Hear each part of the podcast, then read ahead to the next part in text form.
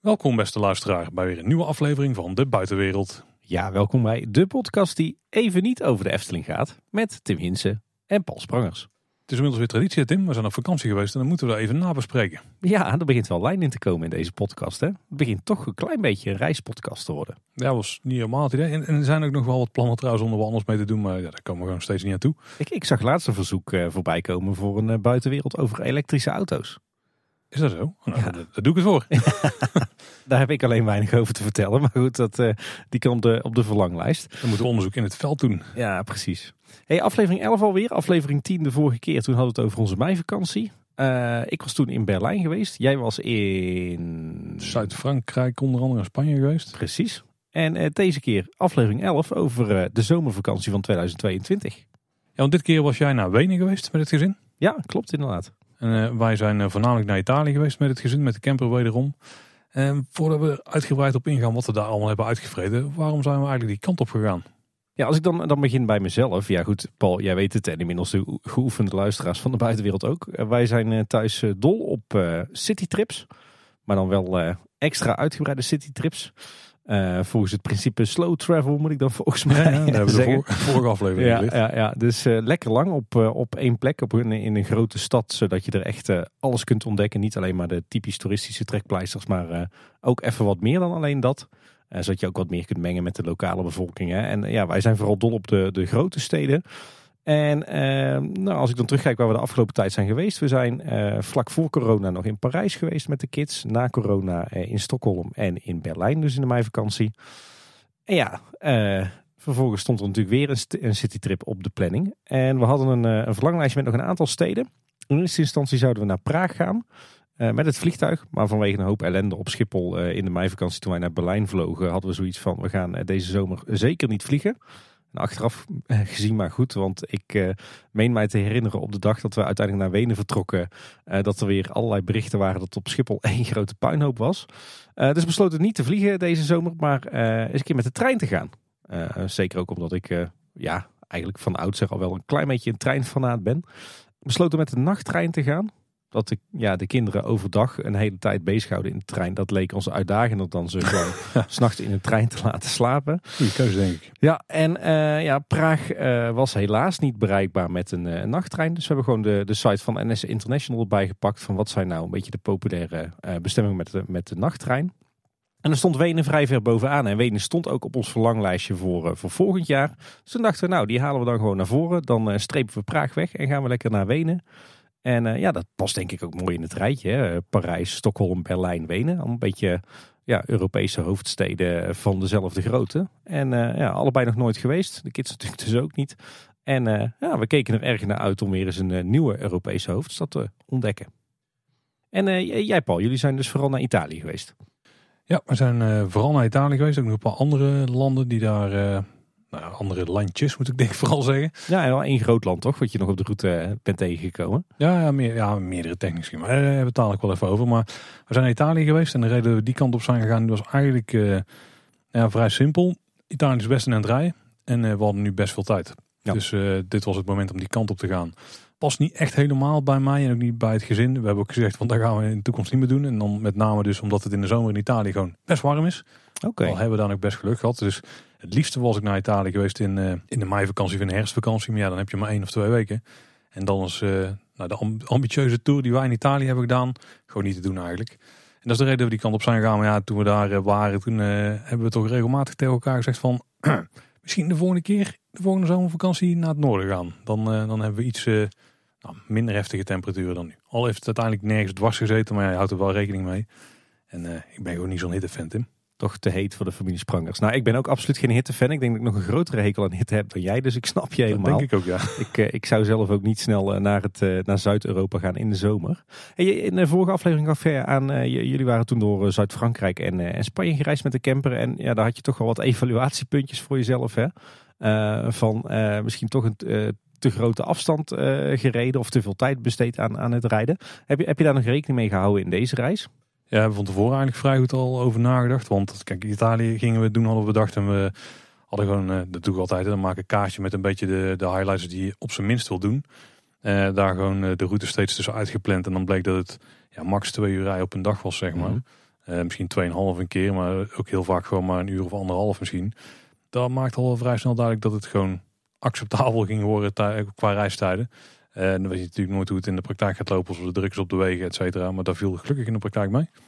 Daar hebben we wel uh, rekening mee gehouden. Ik heb ook de vorige keer volgens mij genoemd dat we hadden uitgerekend dat we 5.500 kilometer hebben gereden. Mhm. Ik denk dat daar een misrekening was. Ik denk dat het 4,5 was. Want ik had het gevoel dat we nu uiteindelijk wel wat meer kilometers hebben afgelegd. Nu waren er net geen 5000. Uh, maar als ik het gewoon heel, heel simpel op een kaartje vergelijk, zeg maar. Mhm. En nu weet ik het wel vrij zeker. Want nu hebben we de, de, de standen wat beter bijgehouden. Maar dat voelde nergens als echt heel vervelend. En dat kwam ook nog wel door iets anders. En dat is dat het uh, rijden daar gewoon veel interessanter was dan in, uh, in Frankrijk in ieder geval. Ja, ik ben wel even benieuwd, voordat je over Italië gaat vertellen. Je bent in totaal 3,5 weken weg geweest, zo'n beetje heel augustus. Vandaar dat we bij Kleine Boodschap ook een lekker lange zomerprogrammering hadden.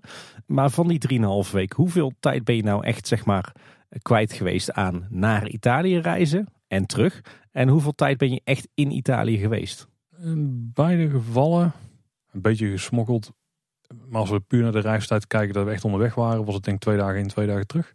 Mhm. En dan zit je echt in het noordelijke puntje. Want wij wilden, ja, we hebben eigenlijk de eerste en de laatste dag gewoon end gereden. Zeg, zeg maar 6,5 tot 7,5 uur of zo. En uh, ja, dat was het de grootste reisdag. En dan de dag daarna was het al drie of zo. Of misschien drieënhalf, zoiets. Ja, maar de les van de vorige keer was wel uh, vooral niet te lang blijven hangen in die reisdagen. Plankgas uh, richting de eindbestemming. Of richting het land van bestemming. Ja, en daar word ik wel steeds, uh, steeds beter in. Door gewoon het vaker gedaan te hebben, rijden makkelijker die lange afstanden. Ja. Ja, misschien moet je natuurlijk ook wel overheen zetten over het feit dat je onderweg naar dat land ook nog wel allerlei mooie plekken tegenkomt. Maar ja, als je daar weer te veel blijft hangen, dan kom je nooit in Italië waar je zo graag die rondreis wil maken. Dus... Ja, we wisten al dat we in de ehm, herfstvakantie naar Duitsland wilden gaan. Ja, daar rijdt natuurlijk een groot stuk doorheen. Ja. Dus we hebben daar ook nergens omgereden om echt iets te gaan bekijken of zo. Een heel klein beetje misschien op de eerste dag, zodat we op een interessante plek konden overnachten. Maar daar hebben we nou, wel enigszins... Uh, we wilden kilometers maken de eerste dag, daar kwam het wel op neer. En ook de laatste dag, want dat was gewoon... Uh, we roken thuis al, we waren snel naar huis. Helemaal uitgepland zo. Hey, hoe verliep deze keer bij jou dan, uh, dan de reis? Want jullie hebben weer aardig wat kilometers gemaakt. Die verliep eigenlijk heel soepel en het reis op zich was hier ook veel leuker dan in Frankrijk. Vond, vond ik in ieder geval voor mijn vrouw trouwens ook. Gewoon omdat de omgevingen veel mooier waren waar je erheen reed. Want in Frankrijk heb je dan heel veel van die tolwegen en... En die zijn erop gemaakt om zo snel mogelijk van A naar B te komen. Ik denk dat ze daar ook een soort filosofie hebben dat alle afleidingen om je heen, die moet gewoon weg zijn. Die mm rijdt er vaak tussen twee van die uh, ja, groene talutsen, denk ik, Tim, het zijn. Ja, grondwalletjes. Ja, nou, talutsen doe ik het ook voor, hoor. Goed jargon. Inderdaad. En um, uh, had je eigenlijk, ja, je hebt wel tolwegen blijkbaar, dat is het dus ook niet van tevoren. Maar alle snelwegen in Italië zijn in principe tolwegen. Uh, alleen die zijn een stuk goedkoper dan in Frankrijk. Maar die rijden gewoon door uh, veel mooiere omgevingen heen. Altijd met wel landbouw die om je heen gebeurt. Vaak uh, in de verte wat bergen waar dan allemaal dorpjes op liggen. Maar af en toe wat torens uh, uitsteken en zo, weet je wel. Over van die terracotta daken. Een beetje, nou bijna van die, nou niet Westelingse muren. Maar in ieder geval wel van die licht vervallen huisjes en, en gebouwen en zo, weet je wel. En soms ook in één keer iets heel groots. Dat je afvraagt, waar is het? En dan ga je het snel op Google Maps te checken. Nou, dan leert er nog wel van de omgeving. En dat was veel interessanter dan in Frankrijk rijden. Waar het gewoon ja, toch vrij vlak allemaal was. En uh, heel erg uh, nou, recht toe recht aan. En toen waren de waren groen, maar in de zomer zo door als uh, iets wat heel door is. De Sahara, de Sahara, Ja. die is door. Ja. Dus dat is een beetje alsof je met een soort miniatuurautootje door het diorama reed. Op de punten wat, uh, wat daar zeg ik wel iets van weg. Ja. ja. Het diorama en de Efteling, hè, voor de niet-Efteling luisteraars van ons. Ik vraag me af of we luisteraars van de buitenwereld hebben die nooit naar Kleine Boodschap luisteren. Misschien eentje. Ik moet ook zeggen dat het rijden in Italië, ik was daarvoor gewaarschuwd, dat Italianen rijden als maloten. Mhm. Nou, dat is absoluut waar. Oké, ik denk je gaat dat nu ontkrachten. Maar... Nee, ik denk dat we daar nog geen half uur waren. Dat we toen al bijna drie ongelukken gebeurd hebben zien worden. Uh, waarbij een auto onder andere zo uh, bijna de zijkant van de vrachtwagen inreed op de snelweg. Dat is vrij knap. Ja. Maar uh, ja, die Italianen rijden als maloten. Maar daar, um, dat was in het begin even wennen. Nou, misschien moet ik een beetje beginnen met hoe de Italiaanse auto's in elkaar steken. Want volgens mij stappen die mensen ochtends de deur uit en dan stappen ze in een auto. En dan uh, zitten ze eerst te verbazen over de stokje waar links uit een uh, stuurkolom steekt. Daar heb ik geen idee van waar die verdient volgens mij. nou, dan uh, kijken ze even in de binnenspiegel of dat een haarhoed zit. Dat is denk ik ook het enige waar ze dat ding voor gebruiken. En dan bedenken ze, oh ik moet heel snel weg, want ik moet dadelijk gaan invoegen op de snelweg. Terwijl ik stoïcijns vooruit kijk en me helemaal niet bezig hou met de rest van wat er op de weg gebeurt. Ik denk dat zo de gemiddelde Italiaanse dag begint. Ik, ik proef een beetje een oordeel in jouw verhaal, Paul. Nou, en, en ondertussen moeten ze ook nog even, um, tussen die garages hebben denk ik veel werk. Of ze zijn niet zo goed, maar iedereen die houdt zijn, zijn deur ook vast. Dus ik denk dat die allemaal op punt staan om eruit te vallen of zo. En ook heel bijzonder is dat de mensen die vaak dan op de passagiersstoel zitten, die steken dan een arm uit het raam en die houden ze de lucht in. Ik weet ook niet waarom, misschien dat ze elkaar continu begroeten of zo. Die, die mysteries hebben we niet Ja. opgelost in de drie weken dat we daar hebben rondgereden. Maar die Italianen, ja, die rijden gewoon inderdaad als maloten. En dat heeft vooral te maken met de manier op ze vol in- en uitvoeren. Want je hebt er allemaal van die kamikaze stroken. En in Nederland zijn we gezegend met van die eh, landingsbanen waarmee de snelweg eh, kan eh, in- en uitvoeren. In het buitenland zijn ze er niet zo goed in. Dan heb je vaak maar een meter of nou 100, dat is luxe denk ik. En hoe doe je dat met een zware camper invoeren? Ja, gewoon goed van tevoren kijken, gas geven. En dat is het enige waar ze nog enigszins voor willen wijken. Af en toe wel. Oh, Oké, oké. Maar eh, wel. vooral vrachtwagens houden dan wel een beetje in. Maar daar hebben we eigenlijk altijd geluk gehad. Misschien één keer niet of zo, dat we zelf stil moeten gaan staan. Eh, maar dat is gewoon eh, op goed geluk een beetje. Dat lijkt me doodeng. Ja, maar vooral, dat is meestal niet zo eng, want dan pak je gewoon een stukje vluchtstrook mee. Tenzij er daar via duk staat. Dan Ja. is het wat kritieker. Maar eh daar zijn ook mensen die voegen dan gewoon in met 40 of zo. En dan eh stroopt echt heel de snelweg op. En dan denk je, wat doe je nou? nou en anderen die vlammen daar eh, met de 150 overheen. En die schieten meteen de linkerbaan op. Drie banen breed, hè, dus dat is mooi. Kijk, jij, jij, jij overtuigt me gelijk om vooral niet op autovakantie te gaan. Nou ja, het mooie, het mooie komt. De positieve punten komen dadelijk. Nou. En, en ze rijden vooral links enorm hard. Maar nou komt dus het mooie. Ik vond uiteindelijk rijden in Italië echt super relaxed. Want ja, je hebt de vrachtwagens die rijden rechts. En die rijden allemaal traag. Wij, wij rijden daar wat harder dan de vrachtwagens. Mhm. En al die maloten die rijden links. En af en toe moet er wel eentje van links naar rechts. Maar ja, dat gebeurt gelukkig niet zo heel vaak. Dus daar heb je niet zoveel last van. En eh, wij konden eigenlijk gewoon super ontspannen in het midden rijden. Want iedereen die te hard ging, die bleef gewoon links. En die bleef daar gewoon als een maloot eh, hard wegrijden. Want de snelheidsadviezen, ja, dat is daar niet meer dan een soort van richtlijn of zo, weet je wel. Iedereen die rijdt meestal gewoon veel harder. Ja, dan rij je uiteindelijk maar een beetje mee, want ja, iedereen doet dat. Op de wegen waar we, waar we konden, want Mhm. vrachtwagens die rijden 80. En die maloten links die rijden, ik heb geen idee, 130, 140. En wij halen max 120 of zo. Dan is het niet zo heel comfortabel meer om in het ding te rijden. Maar dat kan in midden prima. En dan heel af en toe dan eh, ga je achter een vrachtwagen hangen of zo. Als er iemand eh, eh, die niet links wil rijden, eh er langs moet. En dan ga je daarna gewoon weer naar het midden. En dan kun je de vrachtwagens erin halen. Maar we reden dus een paar dagen later in Duitsland. Of eigenlijk op terugweg van de vakantie. En die Duitsers die blijven dus niet links rijden. Die gaan de hele tijd naar rechts of naar het midden eh, rijden. En soms ook weer helemaal naar de rechterstrook. Maar ja, die zijn veel sneller dan wij. Dus die vlammen heel de tijd over de middenbaan ons voorbij. En wij kunnen dan steeds niet achter die vrachtwagens vandaan. Zonder, ja, je ook als een soort kamikaze piloot op de midden, midden ja. ja. Dus uiteindelijk was in, in Italië rijden heel relaxed. Want bijna al die snelwegen waren ehm, gewoon driebaanswegen. En dat systeem werkt toch stiekem best goed met die linksplakkers. Ja, gewoon de middelste strook voor de campers. Ja, voor de campers zijn het een beetje het normaal rijdend verkeer. En dan eh, links de malotenstrook en dan rechts de vrachtwagens. Dat was een beetje hoe het werkte. Klinkt eh, gestructureerd. Ja. Dus was uiteindelijk heel goed bevallen. En eh, het wegdek is eh, nou ja, soms eh wallonisch als je een beetje zo in de, de binnenwegen rijdt. Maar alle snelwegen waren eigenlijk heel goed. En soms heb je ook gewoon de, de binnenwegen die in één keer heel biljartlakens zijn. Maar het lijkt daar heel erg op gemeenteniveau ook geregeld te zijn. Ook voor de, wat wij provinciale wegen zouden noemen, denk ik. Want er zit echt enorm veel verschillen.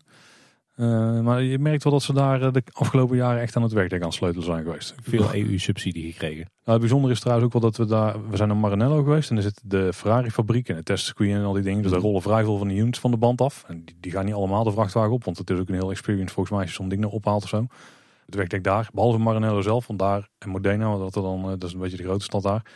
Dat was allemaal super chic, maar zodra je dan de stad uitging, dan was het één grote gatenkaas. Dus die, ik weet niet hoe het met die afstelling van die vering is daar. Lekker met die Die- Ferrari die ja. auto's, maar dat was niet altijd alles. Nee. Maar hoe was het het rijden met de camper door de, de, de kleinere dorpjes en weggetjes en Ja. haarspeldbochtjes? Of, Daar eh, waren we ook voor gewaarschuwd, allemaal krap, smal en zo. Maar dat viel allemaal mee. We hebben echt nergens een, een, een weg gehad waarvan we dachten, oh, dit, ja, nou oké, dus zeg ik fout. Opritten naar campings waren af en toe wel echt eh, moeilijk. Die hebben twee gehad, die waren echt enorm krap. Dat, eh, dat ik er en mijn vrouw gewoon vooruit liep om aanwijzingen te geven. Heb ik nog wel foto's van me. De, eh, laat het zo zeggen. Het is net dat de camper gewoon vast zit, zeg maar. Maar, maar ja, dat is gewoon een beetje rustig rijden en opletten. En eh, nou ja, als er een keer een tak raakt, zo, dat zal er verder wel. Maar de wegen zelf gewoon, eh, die waren eigenlijk allemaal prima. Ja, geen klachten over wat dat betreft Italië. Ook gewoon berg in, berg af. Die camper heeft zich super goed gehouden. Dus En ik denk dat je steeds ervarener wordt met de camper, toch? ja, dat zal ook wel helpen. Ja, ik vind ook dat we de eerste ehm, trip naar Normandië reden. Dat ik het echt gewoon smal vond op wegen. Zeg maar. Ook die, die 90 wegen heb je daar dan heel veel. Eh, maar volgens mij hebben we heel veel van dat soort vergelijkbare wegen gehad. Die waren prima te rijden. Dus eh, ja, Italië qua vervoer helemaal prima. Mooi. Hebben jullie, eh, Tim, want ik weet al wat verhalen. Ja,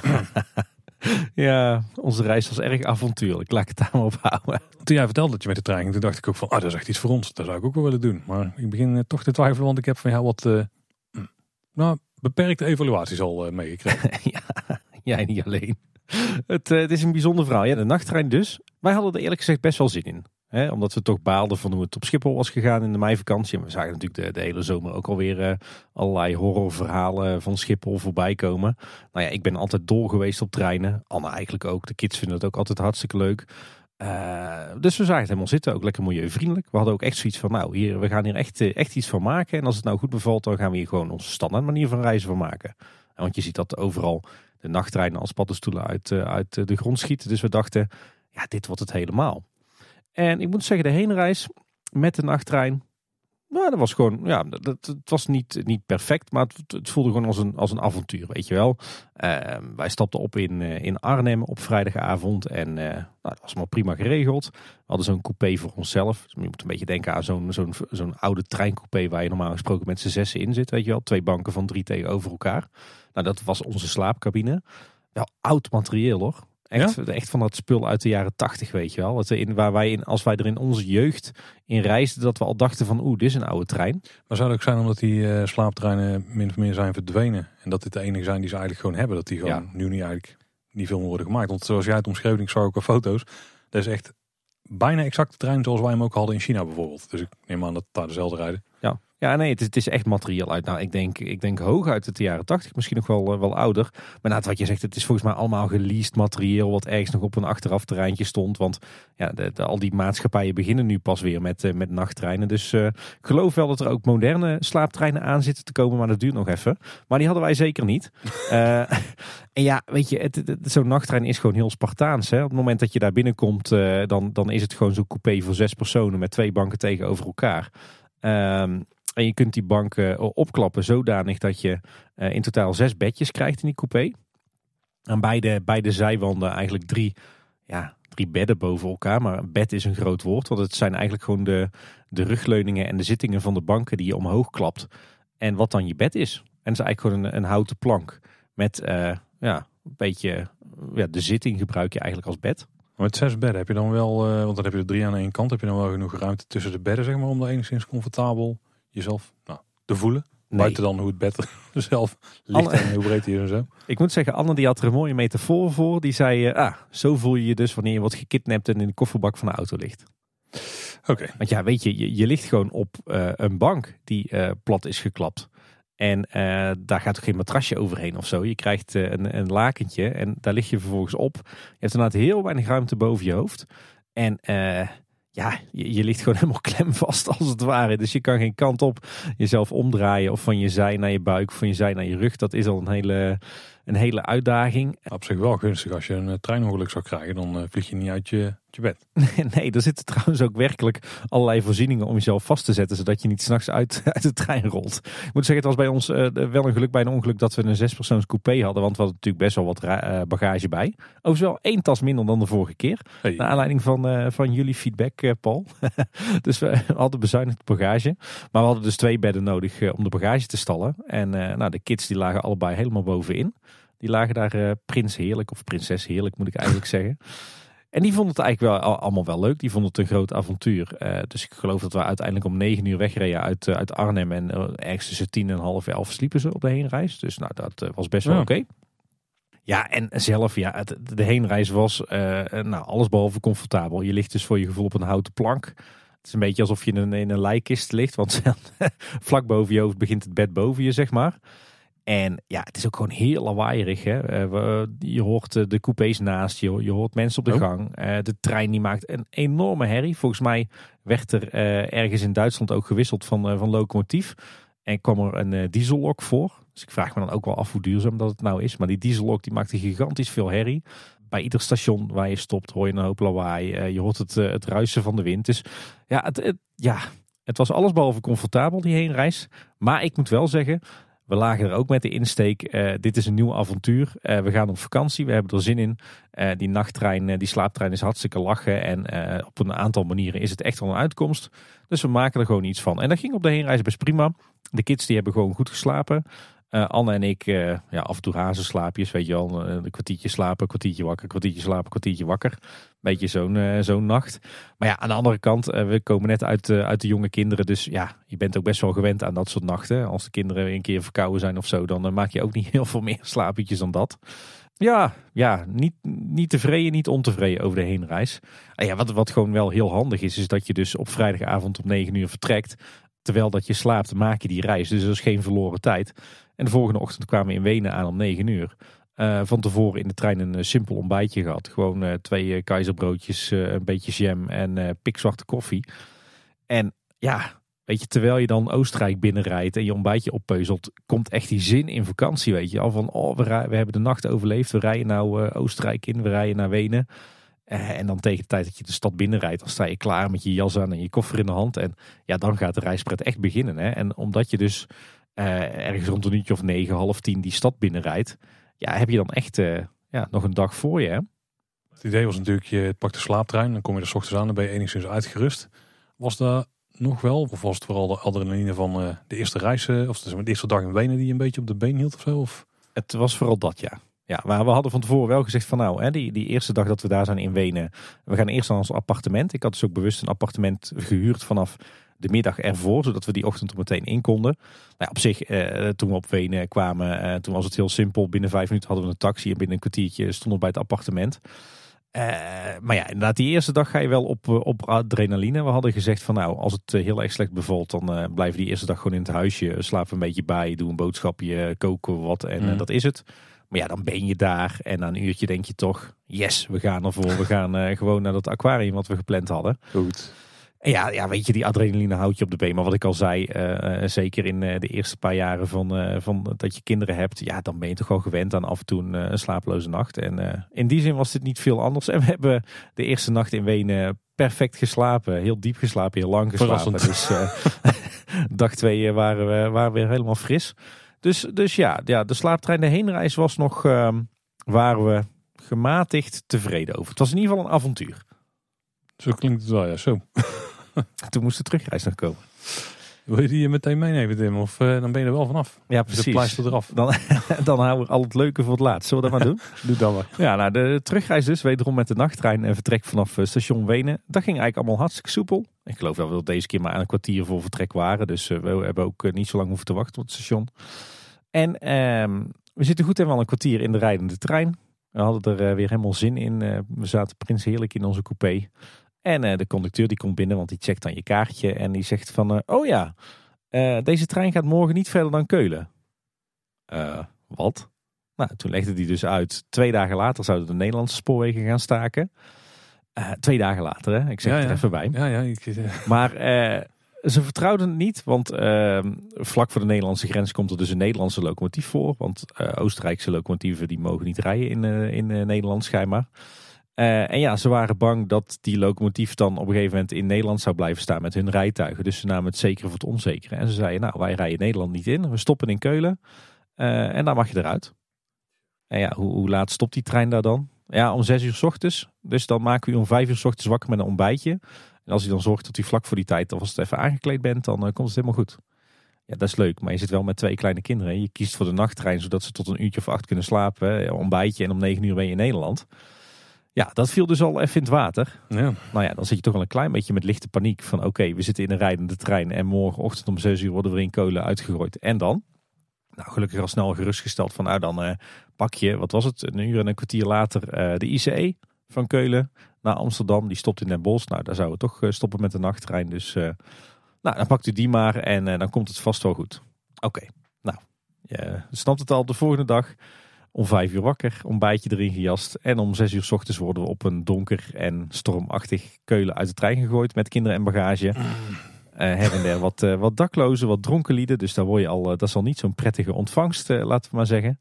Ja, en daar sta je dan en dan is het zoeken, oké, waar, waar vertrekt de ICE? Nou, dat perron, daar ga je dan naartoe met, met kids en bagage. En dan is het wachten, wachten, wachten. En op een gegeven moment staat er ineens op het bord, trein valt uit.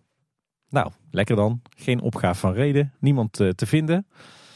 Wij met eh, de NS bellen. Ja, waarom bellen jullie ons? Ja, we zijn in Keulen uit de trein gezet en eh, nou, we staan hier, de ICE valt uit. Ja, eh, meneer mevrouw, dat moet u toch zelf oplossen, daar zijn wij niet voor. Ja, ik heb toch een reis geboekt bij NS Internationaal. Ja, ja, dat kan wel zo zijn, maar wat wilt u dat we doen dan? Dat we u komen halen met de trein of zo? Zeg, nou ja, zou wel fijn zijn. Weet je, we hebben een reis bij jullie gekocht. De, de stekker wordt eruit uitgetrokken in Keulen. en hoe nu dan verder?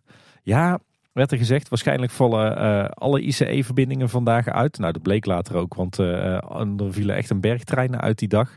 Vanwege dus weer die staking die eraan zaten te komen. Maar dan konden we vanuit Keulen wel een boemeltje pakken naar Aken. En dan moesten we in Aken maar met de bus naar Maastricht. En dan konden we in Maastricht weer op de trein stappen.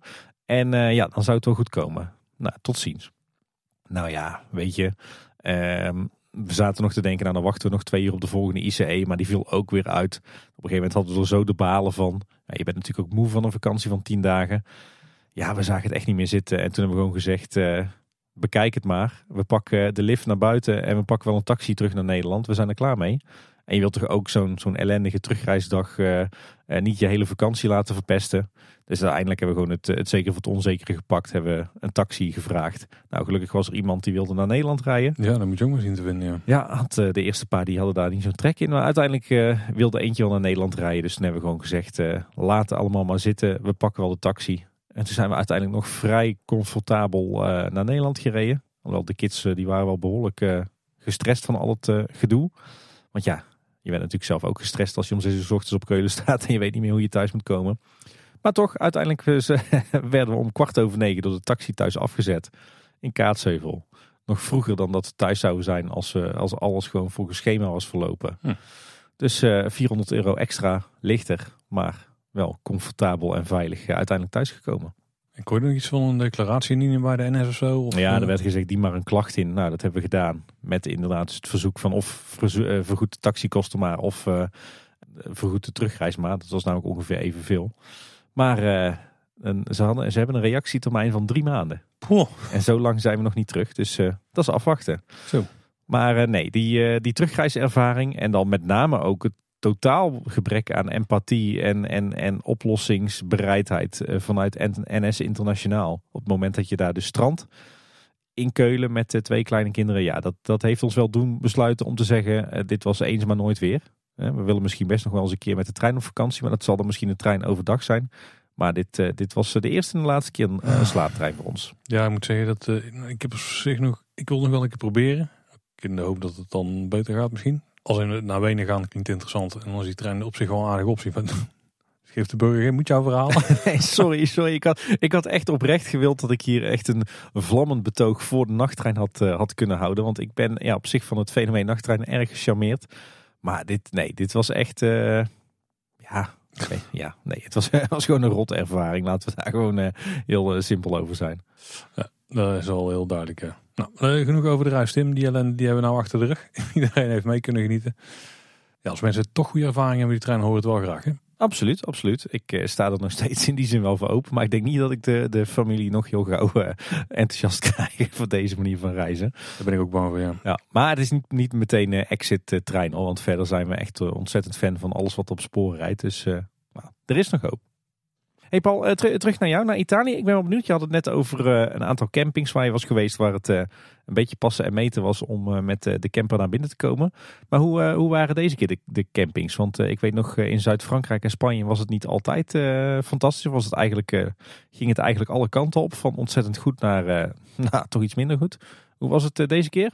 Nou, ik denk dat het altijd wel hetzelfde is. Ik denk dat het in het algemeen iets beter was. Maar wat ook helpt, is dat, nou ja, helpt. misschien, misschien was dat een nadeel, maar wat we normaal gesproken graag doen, is dat we op plekken gaan staan die uh, bijvoorbeeld gratis zijn. Niet per se omdat ze gratis zijn, maar vaak zijn die op wel interessantere plekken. Dus in de natuur of zo. Of uh, misschien tref je gewoon een mooie parkeerplaats met een mooi uitzicht ergens waar je dan kunt blijven staan. Dit keer zijn we naar best wel grote steden geweest. En toen hebben we ook gekeken van zijn er van die plekken. Of kunnen we ergens gewoon een dag heen gaan zeg maar, naar een stad. Dat we ergens op een plek parkeren net buiten het centrum. De stad inlopen en dan gewoon weer teruggaan en dan weer, uh, weer verder. Maar dat bleek uiteindelijk uh, niet zo'n goed plan als je dus de, de reviews wil geloven. Als je een beetje verder keek dan, uh, dan naar die paar vijf sterren die iedere plek wel krijgt. Ja. omdat het best wel wat um, inbraken en zo lijken, of blijken plaats te vinden in campers. Die daar dan gestald staan. Dus wat, wij, wat wij eigenlijk hebben gedaan, meer dan normaal, dus gewoon op campings gestaan. Want dan sta je gewoon achter slot en grendel in principe met toezicht en zo. Dus we hebben veel meer campings nu gehad dan normaal.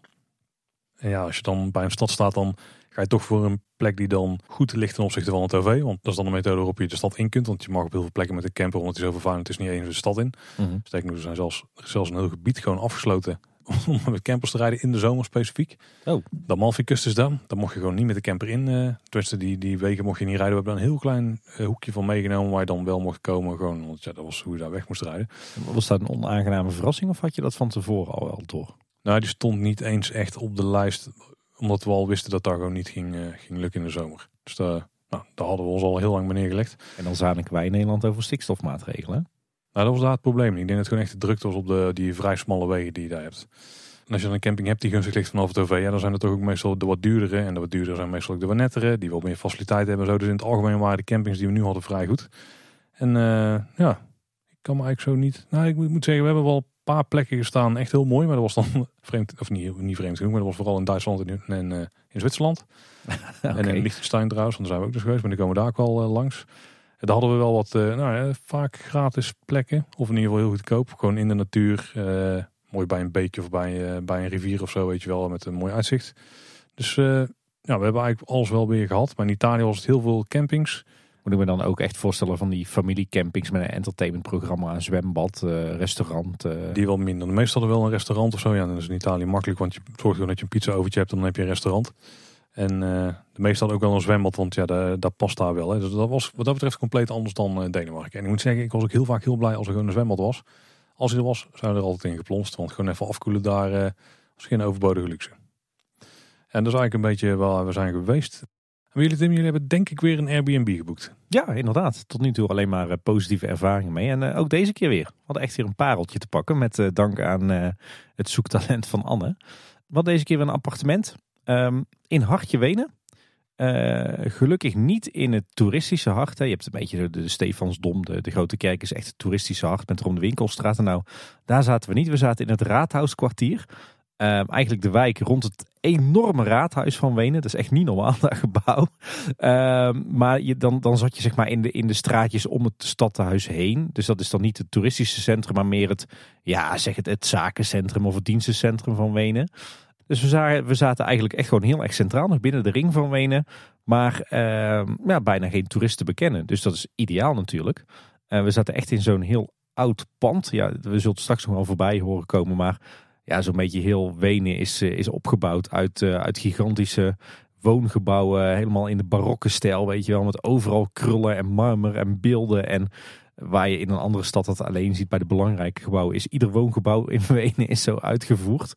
En uh, we hadden een appartement op de vierde verdieping. Gelukkig was er deze keer wel een, een lift.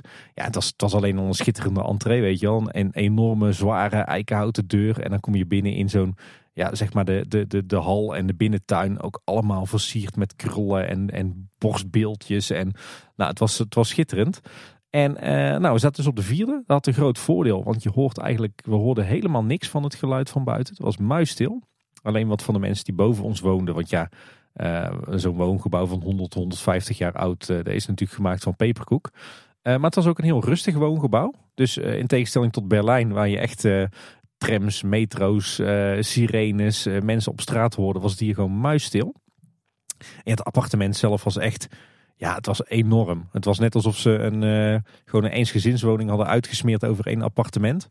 Dus echt een balzaal van een woonkamer, een aparte keuken. Uh, onze slaapkamer was ook weer een balzaal met aan een aparte badkamer en een waskamer. En, en de kids hadden gewoon een volwaardige slaapkamer. Het was echt uh, gigantisch riant.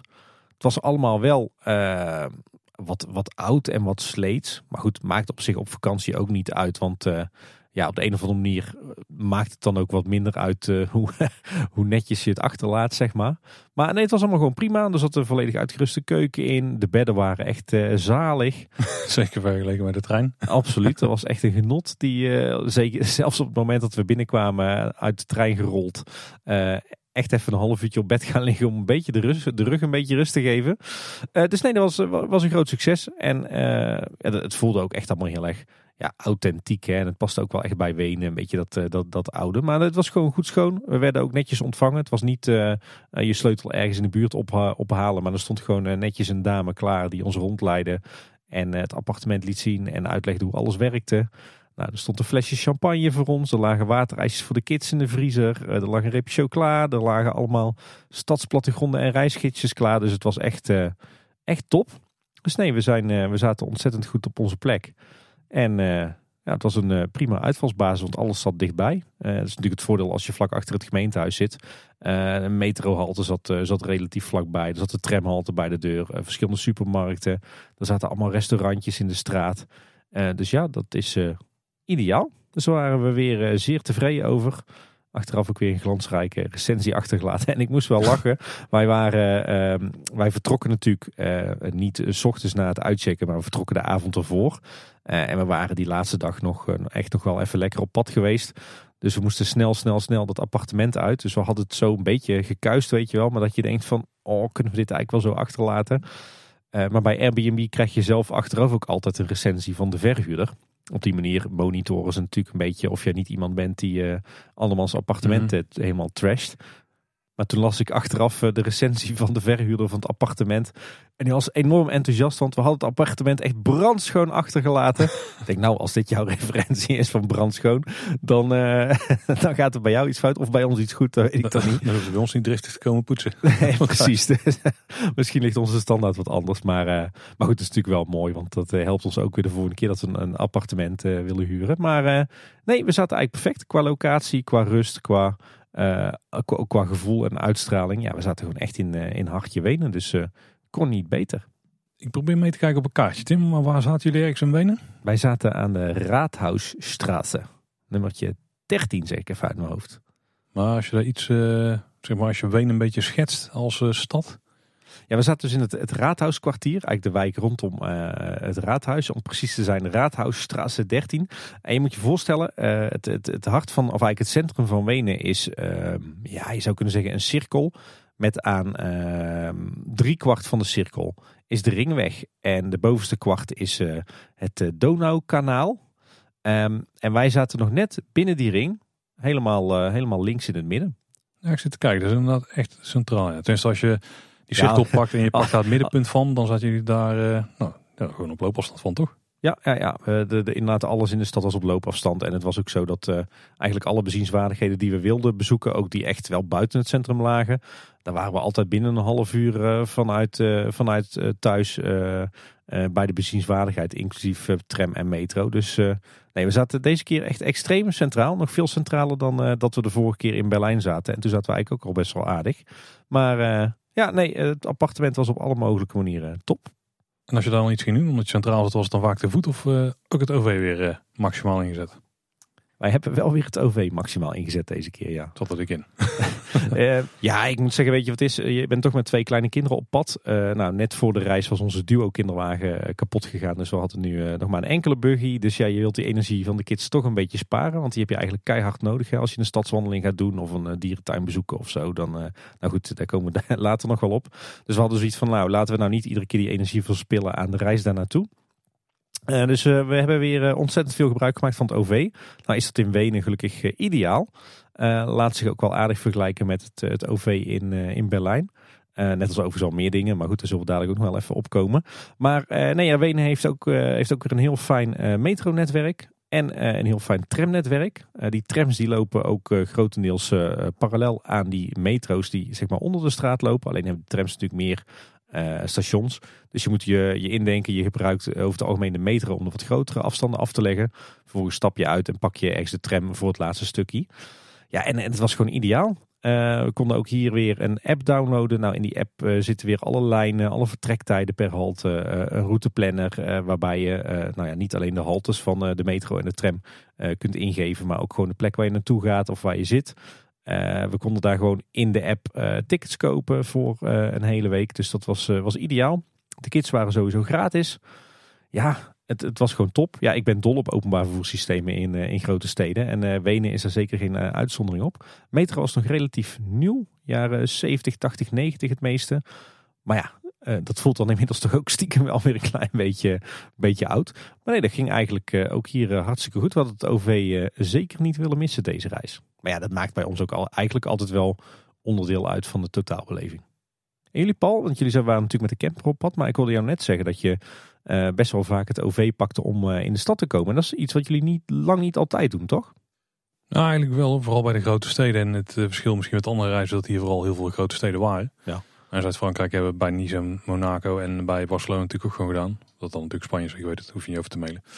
We hebben drie steden eigenlijk aangedaan waarbij we vooral met het OV hebben gereisd. En dat was Mag ik een, een, een gokje doen? Nou, doe maar zo ook. Ik denk eh, Milaan, Venetië, Rome. Ehm, als je Milaan inwisselt voor Florence, dan eh, ben je er. Ja. Ja, aardig hè? Het is toch Nou, een beetje het eh, grote podcastlas eh, concept dit hè? Met de quiz, quizjes En met quizjes, ja. We missen alleen nog de, de trekzak tussendoor. En ik moet zeggen dat het op zich was het OV wel aardig. Alleen, alleen van tijd en zo kon je gewoon niet op aan. Eh, daar ging op zijn Italiaans eh, volgens mij. Of hij snapt het hele systeem niet. Maar volgens mij stond het gewoon op borden van zo laat komt die bus. Maar Die kwam eh, niet. dat was net zoals de snelheid op de snelweg ook maar een beetje een indicatie. Da- Dan, moet je echt naar Wenen, Paul. Daar zijn ze echt gewoon heel stipt. Nou, daar, daar, daar waren niet waar ik meegemaakt. En in Rome had je dan ook de luxe van ook een metrolijn die je daar had. En het voordeel bij ons was dat we vanaf de camping naar de metro... Er was dan een bus van eh, vijf haltes of zo. Stapte je daaruit en dan kon je met de metro verder. En was het gewoon hetzelfde ticket. Ehm, wat- maar wat wel vreemd was, is dat je had niet op heel veel plekken... echt heel gunstig geprijsde eh, van die reis heel de dag maar kaartjes, zeg maar. Een enkeltje in Rome was volgens mij 1,50. Eh, en dus terug was dan dus 3 euro. Als je heen en terug wilde. Maar een ticket voor heel de dag was al 9. Ja, dan moet je toch al wel vrij vaak het OV pakken onder, zeg maar, onder de, of tussen de, de highlights door om eruit te halen. Want als je eenmaal instapt, dan kon je volgens mij ook een drie kwartier of 50 minuten of zo met het OV reizen. Nou, dan Ja. kom je vrijwel overal. En Venetië pak je gewoon de bus meer. Dan rij je naar eh, een beetje het, eh, het noordwesten van het eiland. Nou, nou, toch wel eens in centraal naar het Piazzale Roma. En dat is eh, eigenlijk de enige plek waar nog auto's kunnen komen, waar de parkeergarages en zo zitten. Want vanaf daar kun je gewoon alleen maar de stad in te voet. Of met een gondel of een watertaxi. Heb je, heb je ook nog gebruik gemaakt van die watertaxi van de Vaparetto? Hebben we niet gedaan, dan wilden we wel, maar dat was, eh, het was druk, want het was zomer. Dus die dingen waren stampensvol en dan was het gewoon niet zo heel leuk om op zo'n ding te zitten. Nee. En het was ook vrij prijzig hoor, want ook daar was het weer zo, je kon er wel een, een ticket kopen. eh, om, daar kon je heel de dag daar onbeperkt gebruik van maken en ook van de bus en zo. Maar dat was dan ook weer vrij duur. Volgens mij ging naar richting de 30 euro zelfs of zo per persoon. Nou, in ieder geval, dat was, dat is veel voor een dag. ja, dat was, of nou, misschien was het 18 of zo. In ieder geval, dat was niet echt de moeite. Zeker niet omdat wij het voor eh, een van de kinderen ook nodig hadden. Dus wij hebben gewoon een stukjes gelopen. En wat daar op zich wel grappig is, je hebt daar eh, al die bruggen natuurlijk. Maar soms dan ligt er gewoon geen brug, maar moet je wel naar de overkant. En dan liggen er gewoon echt van die gondels, die ze met de hand gewoon nog eh eh wrikken heet dat. En naar de overkant. En dat is dan de manier hoe je dan naar de overkant komt. Oké. Die zijn er niet heel veel hoor, maar dan, dan ga je gewoon voor een euro of zo kun je dan op, of kun je dan in ieder geval één kant op. Ja. ja, ik weet toen wij eh, een aantal jaar geleden in Venetië waren, toen hebben we toch eh, vrij vaak gebruik gemaakt van die Vaparetto's. Maar goed, dat was in de meivakantie en eh, toen waren wij er ook vier dagen. Dus dan ga je toch ook automatisch wat verder weg van zo'n stad. Ja, dan hadden we- ik denk dat als wij er wel langer waren geweest, het ook al hadden gedaan. Maar nu wilden we ook graag juist lopen. Zodat we zoveel Ja. mogelijk zagen van de stad zelf. Ja, ja voor de Venetië zelf hoef je nou niet echt een watertaxi te hebben. Ik ben, ben trouwens wel benieuwd. Wij moesten in Wenen, gek genoeg, eh, overal nog FFP2 maskers op in het openbaar vervoer, in de tram en de metro. Vanwege corona nog steeds. Hoe was dat in, eh, in de Italiaanse metro en eh, bussen? In principe was dat overal de bedoeling. Maar hoe verder je naar het zuiden ging, werd er eigenlijk nergens meer om gevraagd. Niet op gecontroleerd. Buschauffeurs had het ook niet. Ja, nie- Ja. De medewerkers had het ook niet. Niemand had het al meer, zeg maar. Maar we hebben wel meegemaakt op twee plekken. Op één plek dat mensen gewoon de bus uit werden gezet waar wij bij stonden. Omdat ze geen maskers hadden. Die moesten ze allemaal ergens even gaan scoren. En eh, op andere plek ook door hoorden van mensen dat ze de trein uit waren gezet. ehm, totdat ze gewoon een masker hadden gescoord. En er waren Nederlanders die hadden we een dag Ja. eerder ontmoet. Dus die hebben toen van ons wel meegekregen. Konden ze ook weer verder. Dus eh, het was wel eh, af en toe nog een dingetje. Maar het was vooral hoe zuidelijker je kwam, hoe minder er daarna werd gekeken. Ja, ik moet zeggen, in Wenen, je zou zeggen Deutsche Grundigheid, hè, ondanks dat niet helemaal Duitsland is, maar toch. Het voelde wel een klein beetje als Duitsland. Eh, ondanks dat, eh, ik denk dat ook maar 50% van de mensen nog echt een masker droeg. Hoor. De rest, eh, met name de jongeren, die keken nergens meer naar. Maar wij dachten zelf, ja, laten we maar geen risico lopen. Want je hebt geen zin om als toerist hier in een Weense cel terecht te komen. En het, het voelde weer weer nostalgisch, die FFP2-maskers. Alhoewel het wel warm was zo midden in de zomer. Zo'n eh hele dag zo'n masker op je kop. Het voordeel in Italië was wel dat als je erin op moest, dan was het wel in een eh, openbaar eh, vervoersmiddel. Maar eigenlijk altijd airco was. Dus dan was het goed te doen. Oké. De hele dan weer. was weer goed geregeld. Nog één laatste dingetje over de OV in Italië. Gewoon goed om te weten als je daar gebruik van maakt als toerist zoals wij. Ja. Tickets moet je van tevoren kopen. Je kunt in de bussen geen tickets meer kopen. Zorg dat je die van tevoren scoort. Bij ons kon het in de meeste gevallen gewoon op de camping waar we zaten. Maar anders sta je echt te handelsen. Waardoor we een keer, eh, sorry uh, Italiaanse transportbedrijf, uh, zwart hebben gereden. De keer zei stap maar in, je kunt het met de QR-code kun je het regelen. Nou, ik heb echt mijn best gedaan. Maar tegen de tijd dat ik het nog niet voor elkaar had, toen stond al in de stad en zijn we uitgestapt. En, je had ook niet, niet zo'n handige app zoals wij bijvoorbeeld hadden in Wenen dan. Ja, die, die heb ik dus gedownload, maar dan moet je dan weer registreren. En ik kon alleen met het Italiaans nummer. Dus ik heb echt, echt mijn best gedaan. Verschillende methodes, websites afgezocht, alles. Maar ik kon nergens geld achterlaten voor mijn kaartje. Oké. Ja. Nou, ik uh, zal je vergeven namens de Italiaanse spoorwegen. Oh, pak van macht, dat een stuk beter.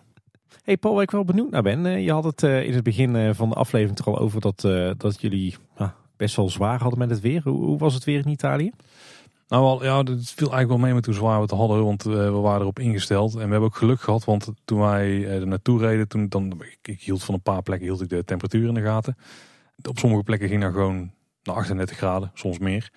Uh, maar naarmate dat wij dichterbij kwam, leek die temperatuur steeds te zakken. En je kijkt natuurlijk een paar dagen vooruit. En ik denk dat wij in een soort van koele, koele tussen airquotes, gebied mee gingen of zo. Waardoor wij steeds net echt bijna het koelste moment van alle temperaturen die ik had gezien, steeds hadden. En dat, dat betekent in ons geval dat we één dag volgens mij wel 35 of 36 graden hebben gehad. Misschien twee dagen. Uh, maar dat was dan niet gelukkig in de stad. Dus dat scheelt echt een hoop. En uh, dat het verder, ja, meestal 32 graden of zo. Dat was wel een beetje de max, denk ik. Zelfs op een paar plekken 29. Dus uiteindelijk hebben we eigenlijk nog wel geluk gehad. Want het kan in Italië wel veel warmer worden. Maar ja, we zijn met een of andere cool, cool gebied of zo meegereden. Ja, ik weet ook niet. Je trok een lage drukgebied achter de camper aan of zo. Ja, of dan die duwde er vooruit. Ik weet niet precies. Maar het voordeel was ook nog dat het dan s'avonds koelt het wel af. En uh, daar hadden we ons wel op voorbereid. We hadden we ventilatoren meegenomen. En op gewoon van die uh, sigaretlader stekkers, zeg maar. Ja. Die echt wel uh, gewoon flink wel winter doorheen bliezen. En dan koelt het gewoon echt goed af in de camper. Als in de buitentemperatuur en binnentemperaturen, daar hebben we gewoon thermometers voor ingebouwd. Die waren vrijwel gelijk, scheelde een halve graad of zo, zeg maar. Dan weet je wel dat er wel lucht erin gepompt wordt. Ja. Dus uh, het slapen was misschien op drie nachten die wat klammer waren eigenlijk ook vrij goed te doen. En je hebt geen last van muggen, want je hebt overal horen. Dus ja, ja. we lagen daar prima. Dus de temperatuur ja, was niet relaxed. En dat heeft echt wel op een paar momenten beperkt wat je dan doet. Hè, want je bent gewoon veel sneller ben je beu om ergens rond te lopen. Dan ga je toch weer de koelte opzoeken. Maar uh, echt tegen vakantie dwars gezeten? Nee, ook niet. Oké, nou de temperaturen vallen maar eigenlijk wel mee als je bedenkt dat jullie toch een heel eind Italië in zijn gereden. Nou, ik zag wel 38 graden is het op nou, misschien wel alle plekken waar we zijn geweest geweest, alleen niet wij er waren. Ja. Dus we hadden gewoon geluk. Maar we hebben ook eerlijk gezegd wel de planning er enigszins op aangepast, maar daar komen we dadelijk wel denk ik. Dus uh, daar hebben we dan uh, nou, wel geluk mee gehad. Dat we die flexibiliteit hebben. Bij jullie? Ja, nou. ik stel namelijk voor Wenen, hè, dus Oostenrijk kan wel zonnig zijn, maar echt heet wordt het niet denk ik. Nou, dat zou je zeggen. Maar Wenen heeft, uh, Oostenrijk heeft gewoon een landklimaat. Hè? Dus dan wordt het juist wel uh, heet in de zomer. Het is namelijk zo dat in de week voordat wij naar Wenen gingen, hadden ze daar uh, echt enorm hoge temperaturen. Tot 40 graden Celsius aan toe zelfs. En voor de rest van de vakantie voorspelden ze ook 30, 35 graden. Dus wij dachten echt van, oh nee hè. Want ja, 30, 35 graden is echt al veel te warm voor zo'n actieve stadsvakantie als waar wij van houden. Uh, dus we dachten maar, nou dan pakken we maar de zonnebrand in en onze lichtste kleding. En nou dan proberen we er maar wat van te maken. Maar toen eigenlijk daags voordat wij vertrokken, toen veranderde de weersverwachting ineens. En ik geloof vanaf dag twee dat wij in Wenen zouden zijn, zou het echt verschrikkelijk gaan regenen. Dus we dachten, nou, we nemen toch maar alle, alle mogelijke kleding mee naar Wenen. Uh, maar toen we er waren, toen veranderde het allemaal weer. Uh, de eerste dag dat wij er waren was het, uh, was het nog, ja, ik denk een graad of 25. redelijk warm maar te doen. alleen de drie dagen daarna zou het inderdaad dus verschrikkelijk gaan spoken in Wenen en omstreken. Ze voorspelden op een gegeven moment zelfs in drie dagen tijd 80 mm regen.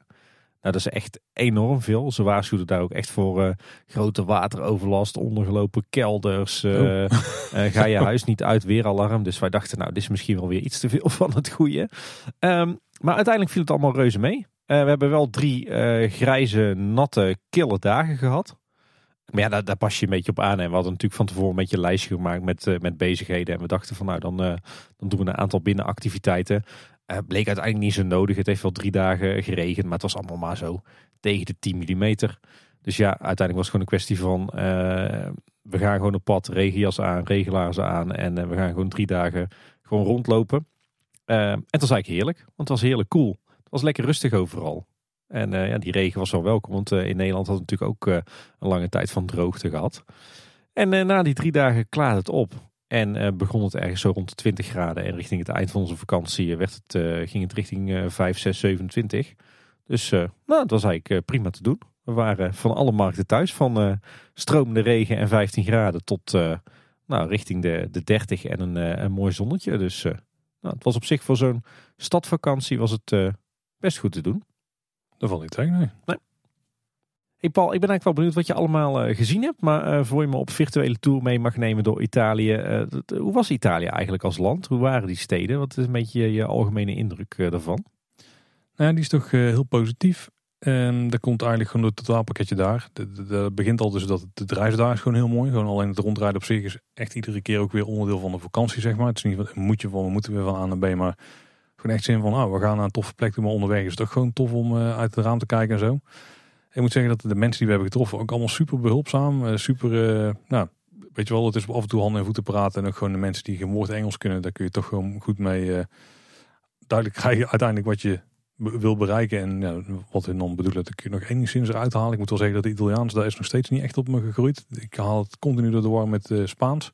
ja. En uh, daar ben ik nog steeds niet vanaf. Dus ik begon een beetje aan het eind van de vakantie groeien, maar ik had me echt totaal niet voorbereid. Dus laat dat ook een uh, soort van lessen slash tip zijn. Ken je geen enkel woordje Italiaans zoals mij, dan maakt het helemaal niks uit. Oké.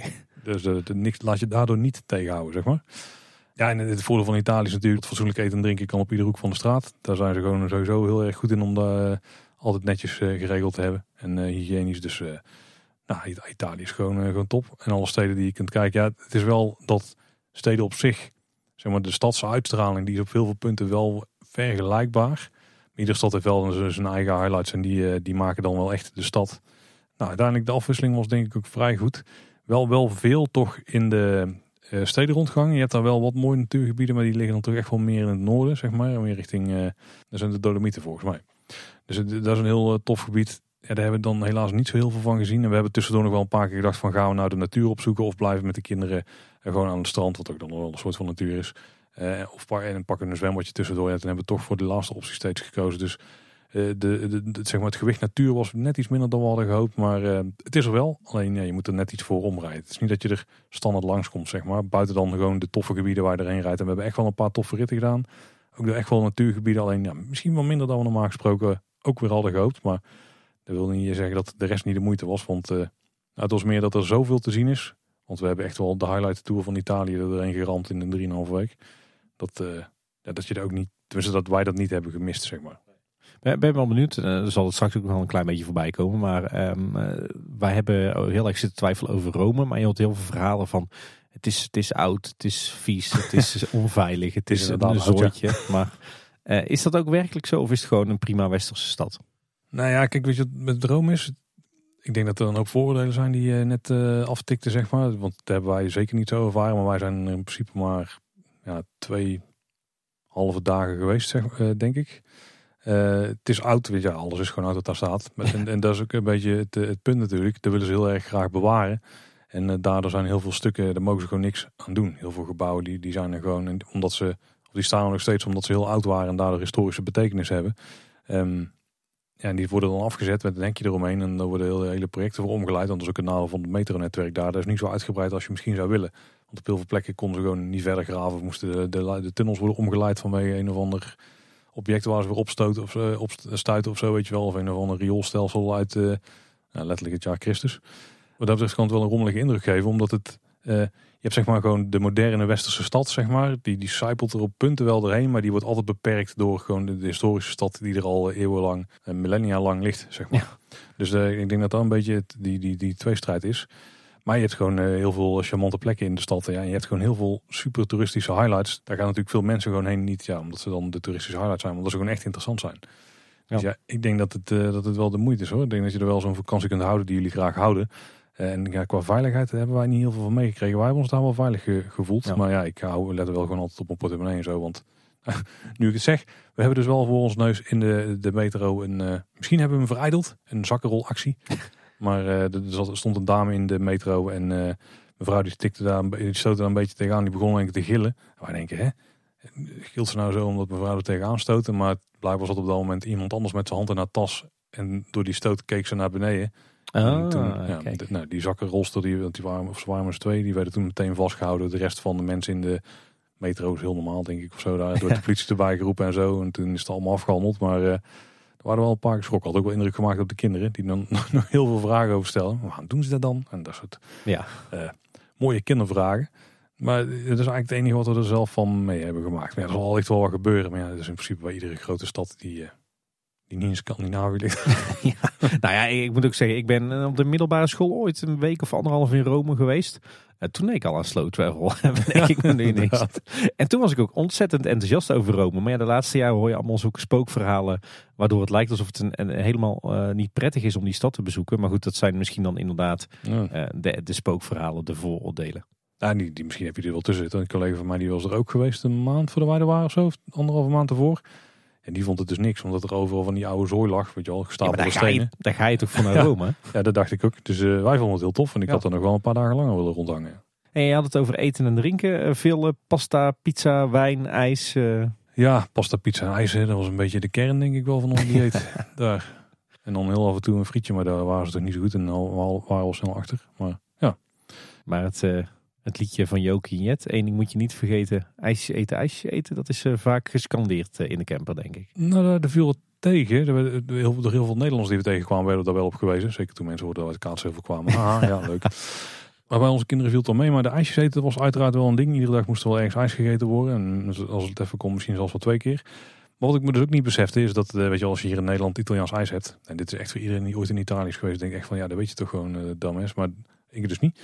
Net zoals dat ik niet wist dat er tolwegen waren. Maar Italiaans ijs is dus heel anders dan het Italiaans ijs wat wij hier kennen. Want uh, hier in Nederland dan maken ze een perfect bolletje met zo'n uh, ronde, zo'n ronde koepschepje unit. Maar dat doen ze dan niet. Daar hebben ze gewoon een spatel en dan smeren ze gewoon je horentje een beetje vol. En uh, dan was je ijsje, zeg maar. Met het plamuurmes. Ja, bijna wel. Ja, en ook, het is ook veel zachter en verder gesmolten. Maar dat kan ook aan de temperatuur hebben gelegen die, die wij hebben meegemaakt.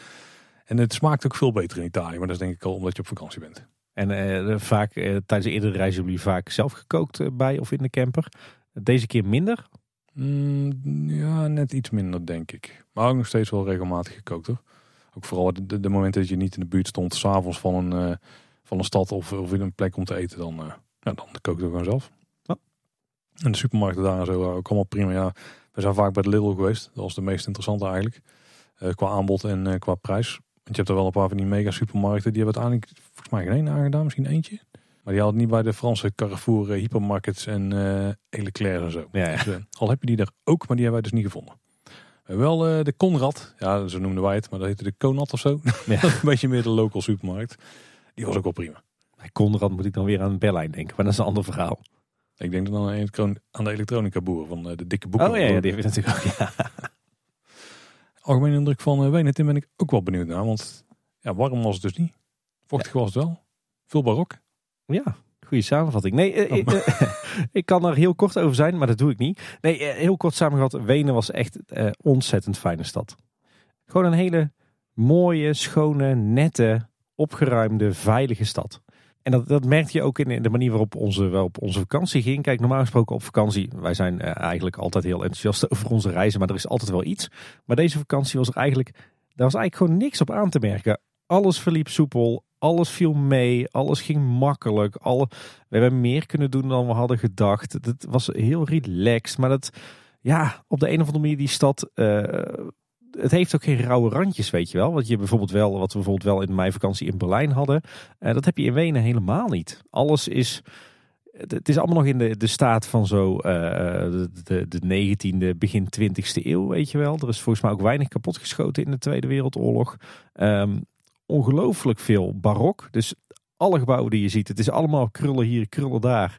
Uh, ook heel veel neoclassicisme. Dus zeg maar een beetje de gebouwen die jullie in Rome hebben gezien met die zuilen. Die staan daar ook. Maar dan zeg maar de remake, een vleugje Jugendstil. Dus uh, vanuit mijn, mijn liefde voor architectuur was het ook een ontzettend mooie plek om te bezoeken.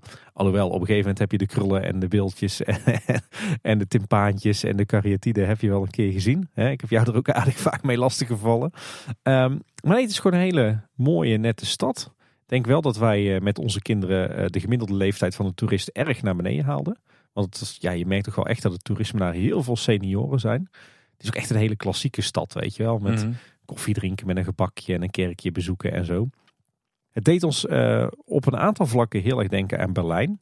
Nou zitten natuurlijk ook wel heel veel overeenkomsten tussen de Duitse en de, en de Oostenrijkse cultuur. Dat is natuurlijk ook ooit uh, een rijk geweest. Uh, Maar ja, waar, waar, Berlijn toch ja, een beetje beschadigd is, is geraakt door al die oorlogen en door natuurlijk Oost- en West-Berlijn. En uh, daardoor heeft Berlijn wat moderne architectuur en die, en die DDR-cultuur. Dat heeft Wenen dus niet.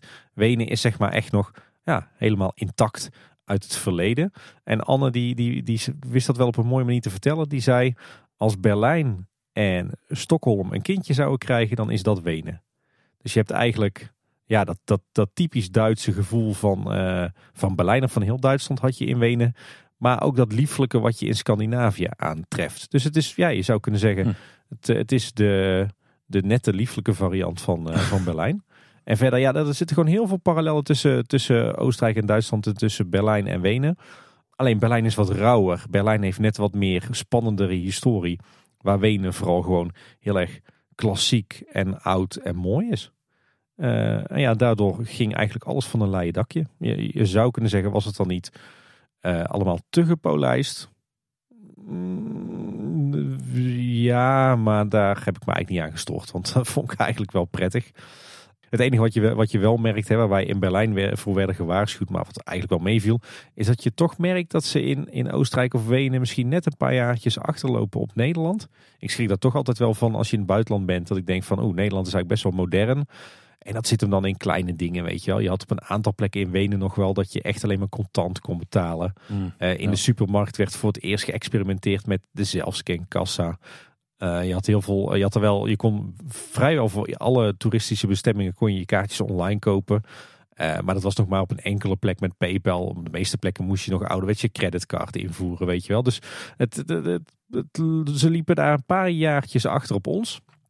Uh, maar dat was natuurlijk ook helemaal, helemaal niet erg. Dus ja, als je gewoon eens echt relaxed op citytrip wil. Um, en vooral heel veel moois wil zien. Ja, dan is Wenen echt wel een aanrader. Wat dat betreft je het toch wel verkocht. En ik hoor wel dat je de reis al snel was vergeten. Toen je vertelde dat alles lekker soepel liep en niks tegen zat. Ja, nee, maar de, zo gaat het ook echt wel in ons hoofd bij deze reis. De, die nachttrein daar is gewoon een... Uh, die is losgeknipt van de die reis. is losgeknipt van de reis, ja. Wat trouwens wel opviel is dat uh, de stad... ik denk als je hem vergelijkt met de steden die we eerder hebben bezocht. Hè, dus met name even focussen op Berlijn, Parijs en Stockholm. Dat toch een beetje de, de steden van de afgelopen twee jaar zijn dat er net wat minder groen in de stad te vinden is. Dus het is net wat meer, meer stedelijk allemaal. En ook uh, veel minder uh, speeltuintjes en echt toeristische attracties gericht op kinderen. Dus het is allemaal net wat, wat, ja, wat volwassener. Meer bejaard.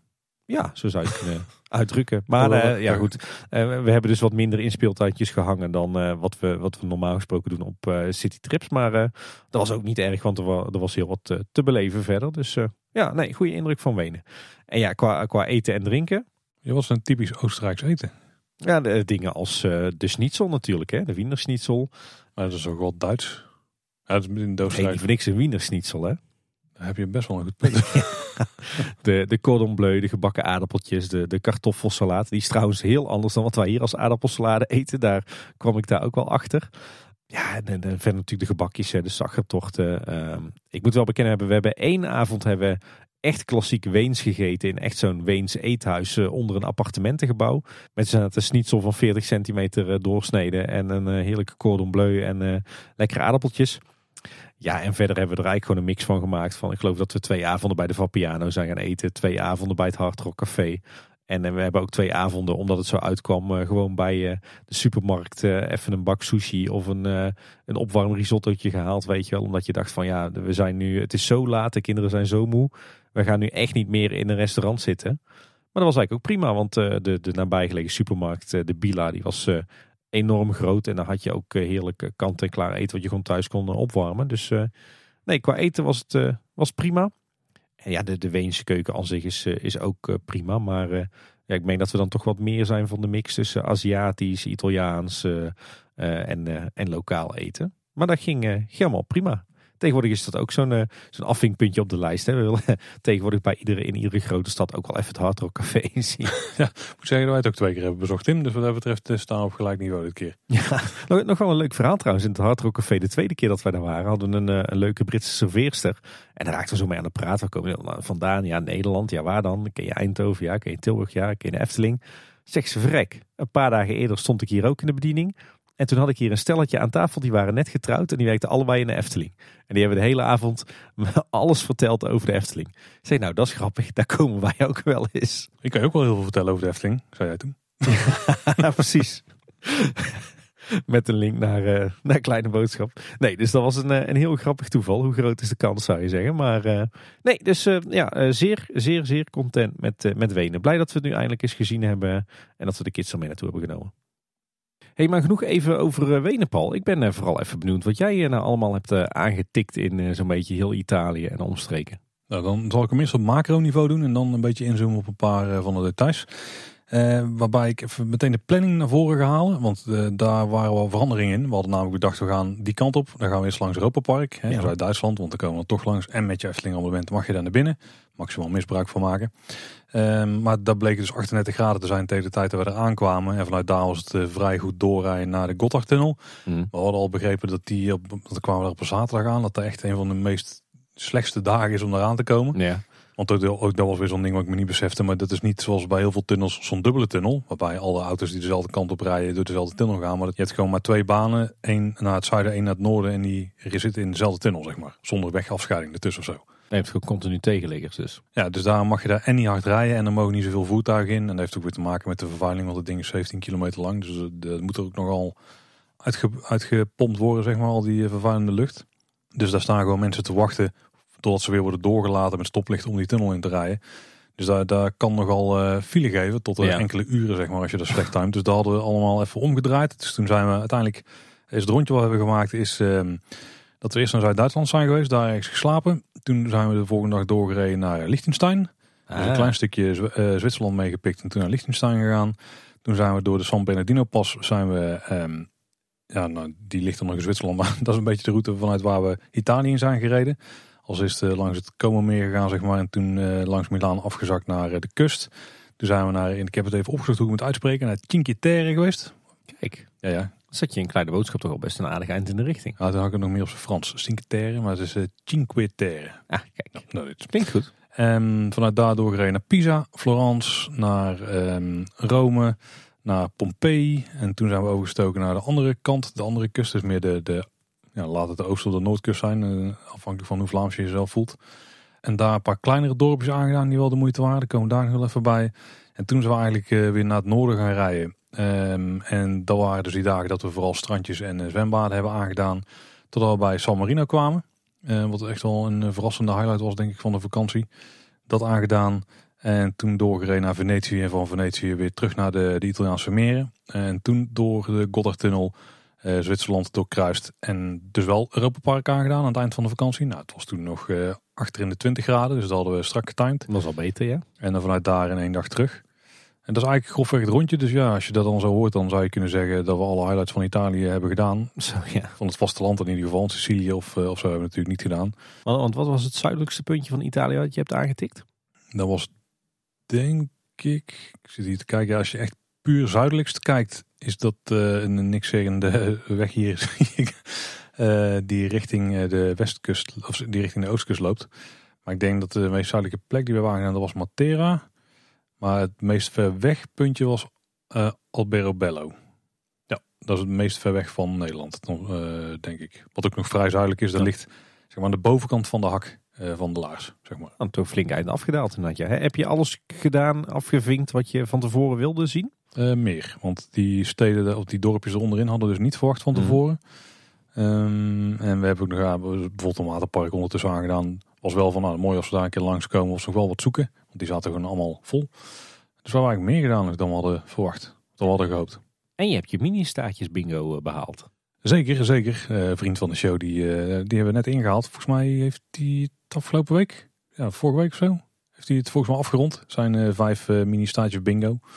Wij hebben we dus nu in een jaar allemaal gehad. Ja, want in de meivakantie was je terechtgekomen in Andorra. En Monaco. En Monaco. En nu Liechtenstein. San Marino en Vaticaanstad. Wat verdorie, Paul. En we moeten eigenlijk alleen nog Malta in Europa. Dan hebben we volgens mij echt allemaal uh, gehad. Maar dat is een land toch? Dat is niet echt een mini. Ja. Nee, dat is een klein land. Ja. Net zoals ja. Andorra of ja. eigenlijk die andere. Ja, nou, Malta is niet echt een mini-staatje toch? Nou, Malta is ook klein, is ongeveer net zo groot als Andorra. Heb ik net zitten checken. Oh, nou jammer, dan heb je dus niet je mini-staatjes bingo. Nee, want het punt van die vijf is, en waarom het een soort bucketlist ding is, is dat het eh, de enige landen zijn zonder internationale luchthaven. En Malta heeft die wel een, anders is het ook heel lastig om op het eiland te komen. Ja. met een boot kan natuurlijk. Maar de andere staatjes hebben dat dus niet. Misschien Oh, wel een mooi, helikopterplatform of zo, maar niet eh, een vliegveld. Verdomd mooie reis inderdaad. Je hebt wel echt alles uit die 3,5 week gesleept wat eruit te slepen viel. Ja, nou ja, terugkijkend zijn er nog wel een paar puntjes waar ik ook nog wel een keer langer zou willen blijven hangen. Of die we gewoon nog een keer willen rijden. Zeker nu we eh, er zijn geweest. Net als die, eh, die Amalfi kust en zo. Dat lijkt me echt super vet om daar eh, rond te hangen. Nou, dat zat er gewoon niet in, want dat was gewoon praktisch onmogelijk. Maar eh, verder hebben we wel echt, eh, echt een hoop highlights aangetikt, ja. Nou, en die meren zou ik ook nog wel iets meer willen ontdekken, denk ik. Dan dat we nu hebben gedaan. Maar dat was met de camper niet zo praktisch. Nog een keer terug in de winter dan. Nou, ik denk gewoon over eh, meerdere jaren en terug met een auto of zo. Nou, ja. Maakt het net wel handiger. Maar dan moeten we wel even het elektrische laten en het werk daar uitbreiden. Dat was nog wel een dingetje daar dan. Ja, je werd er af en toe wel op gewezen, maar ik had dan niet het idee dat dat zo vaak gebeurde dat, eh, dat je echt alle afstanden fatsoenlijk kon overbruggen. Zeg, eh, neem ons eens mee eh, op jouw reis. Nou, ik ga, de, meeste plekken zijn wel vrij bekend. Die hoeven niet al te diep toe te lichten, denk ik. Maar we zijn begonnen in het zuiden van Duitsland, bij Triberg. En daar staat Tim, en ik heb inmiddels begrepen dat dit een vrij discutabel, eh, ik weet niet of het een Guinness Book of Records record is, maar in ieder geval een vrij discutabele eer ehm, te behalen valt. Namelijk van de grootste koekoeksklok ter wereld. Heb je die gewoon afge- afgevinkt? Ja, per ongeluk, want we reden er langs. En we gingen daarna het dorpje Triberg, want daar heb je allemaal mooie watervallen. Had ik iemand op Instagram gezien, ik denk daar ga ik heen. En toen kwamen we eraan en toen reden we langs die grote koekoeksklok. En toen zaten we naar de rand te kijken en dat bleek dus de grootste van de wereld te zijn. Dus toen zijn we de dag daarna even teruggereden, was maar vijf minuten terug of zo. Want we sliepen daar vlakbij. Toen hebben die ook weer afgetikt. Maar dat is een dorpje, dat staat helemaal in het teken van de koekoeksklokken en zo. En dan heb je allemaal winkels eh, met eh, honderden, duizenden koekoeksklokken misschien in verschillende maten. Ja, ook super toeristisch, maar gewoon wel gewoon even langs te gaan. Je waande je echt in Max en Moritz dan. Ja, dat was echt de inspiratie, eh, die, die komt daar wel vandaan. Dat weet ik vrij zeker, ja. Ja. Er zaten heel veel herkenbare elementen in, voor ons als, als vervent Estlinghanger.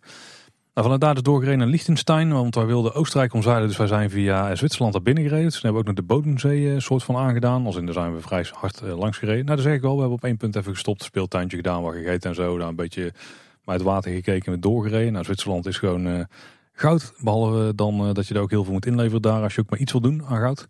Ja. Dus dat is allemaal minder. Maar verder is Zwitserland natuurlijk echt een geniaal land. Wil je nog een keer naartoe met de camper? Ja, met de camper, zou- ja, het zou zomaar kunnen. Ik moet even uitzoeken wat de campings en zo daar doen. Maar volgens mij eh, ga je dan al gauw richting de 40, 50 euro per nacht voor echt een hele simpele plaats. Waar je normaal gesproken op een vrij luxe camping al eh, voor staat, zeg maar. Ik zal maar niet zeggen wat een gemiddeld Airbnb appartement per nacht kost. Nou, ik zal ook maar niet zeggen wat de camperafschrijving en zo erbij eh, kost. nee, dan win jij denk ik. In ieder geval, het doel was daar dus Liechtenstein. Dus daarheen geweest, naar de hoofdstad Vaduz. Voordat we daar de highlights gingen kijken, Tim, toen hebben we even iets anders gedaan. Toen hebben we de camper daar eh, in een van de hoofdstraten even snel geparkeerd. En toen ben ik 100 meter vooruit gerend. En toen heb ik natuurlijk even gauw een paar selfietjes genomen bij het hoofdkantoor van Intermin. ik wist dat dit ging komen. Echt, eh, echt een baas ben je dan, ja. En dat is een beetje, eh, voor degene die dat niet kennen, Intermin die maakt ritssystemen voor attractieparken. En die zijn bekend van een aantal hele grote achtbanen, zoals Taron in Fantasieland en hier wat dichter bij huis.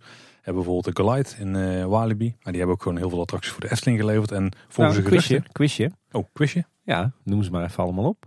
De attracties, de, de, de ride systemen van Intermin in de Efteling. Ja, Nou, noem ze wel allemaal op. Of moet ik de quiz? eh, ja de, de vraag aan jou, hè? Oh, de vraag aan mij. Eh, even kijken. Nou, in ieder geval de halve maan. Dus de schipschommel. Oh, daar zijn we er al, denk ik, of niet? Nou ja, Fata Morgana, Gondoletta, de Ja, ja, ja, de bootjesysteem. Ja, dat klopt. Ja. Piranha, ja, maar de Bob is weg. Ja, Ah. Piranha is ook alleen, ja. ja. Dat klopt, ja.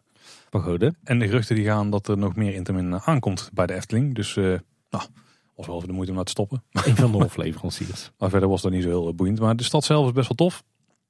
Die zullen niet heel veel mensen kennen, denk ik. Het is echt enorm klein. Zeg maar vergelijkbaar met eh, een klein stadscentrum. Bijvoorbeeld Waalwijk. Ik denk dat het echt wel serieus mee vergelijkbaar is. Ik moest allemaal waar ik denk, ja. Ik denk ook dat qua aantal inwoners, nou ik denk dat Vaduz nog kleiner is. Ja, het is toch een hoofdstad, dus we hebben daar wat regeringsgebouwen. Die zijn vrij markant, mag ik wel zeggen, denk ik. Helemaal eh, uit steen opgetrokken geelachtige ehm, gebouwen. Zijn wel, eh, wel tof met een paar oudere... Ja, weet je wel, het is niet groter dan het gemeentehuis van, eh, weet ik veel, Den Bosch of zo. Er zit een hele regering in. Ehm, met wat klassieke gebouwen ook. Nou, het, dat was een van de heetste dagen, vreemd genoeg. Ondanks dat dit ook vrij hoog in de bergen en zo ligt. Eh, maar wel heel tof om even te checken. Maar we zijn daar later op de dag naar... Ik heb er een screenshot van gemaakt, want die, die plek heet dus Balzers. Wat echt wel een vrij goede plaatsnaam is. Ja. En, Balzers, daar lag eh, een, kasteel en daar lag een kerk of zo. En dan kon je dus bij parkeren. Dus dan hebben we die nog uh, verkend. S'avonds toen het een stuk afgekoeld was. Met ook enorm mooi uitzicht daar trouwens. Heel tof. Nou, toen is doorgereden naar Italië vanuit daar door de San Bernardino pas. Dat was een van de tofste stukken die we denk ik ook hebben gereden. Echt heel veel van die haarspelbochten naar beneden. Maar allemaal supergoed bereid, bereidbaar.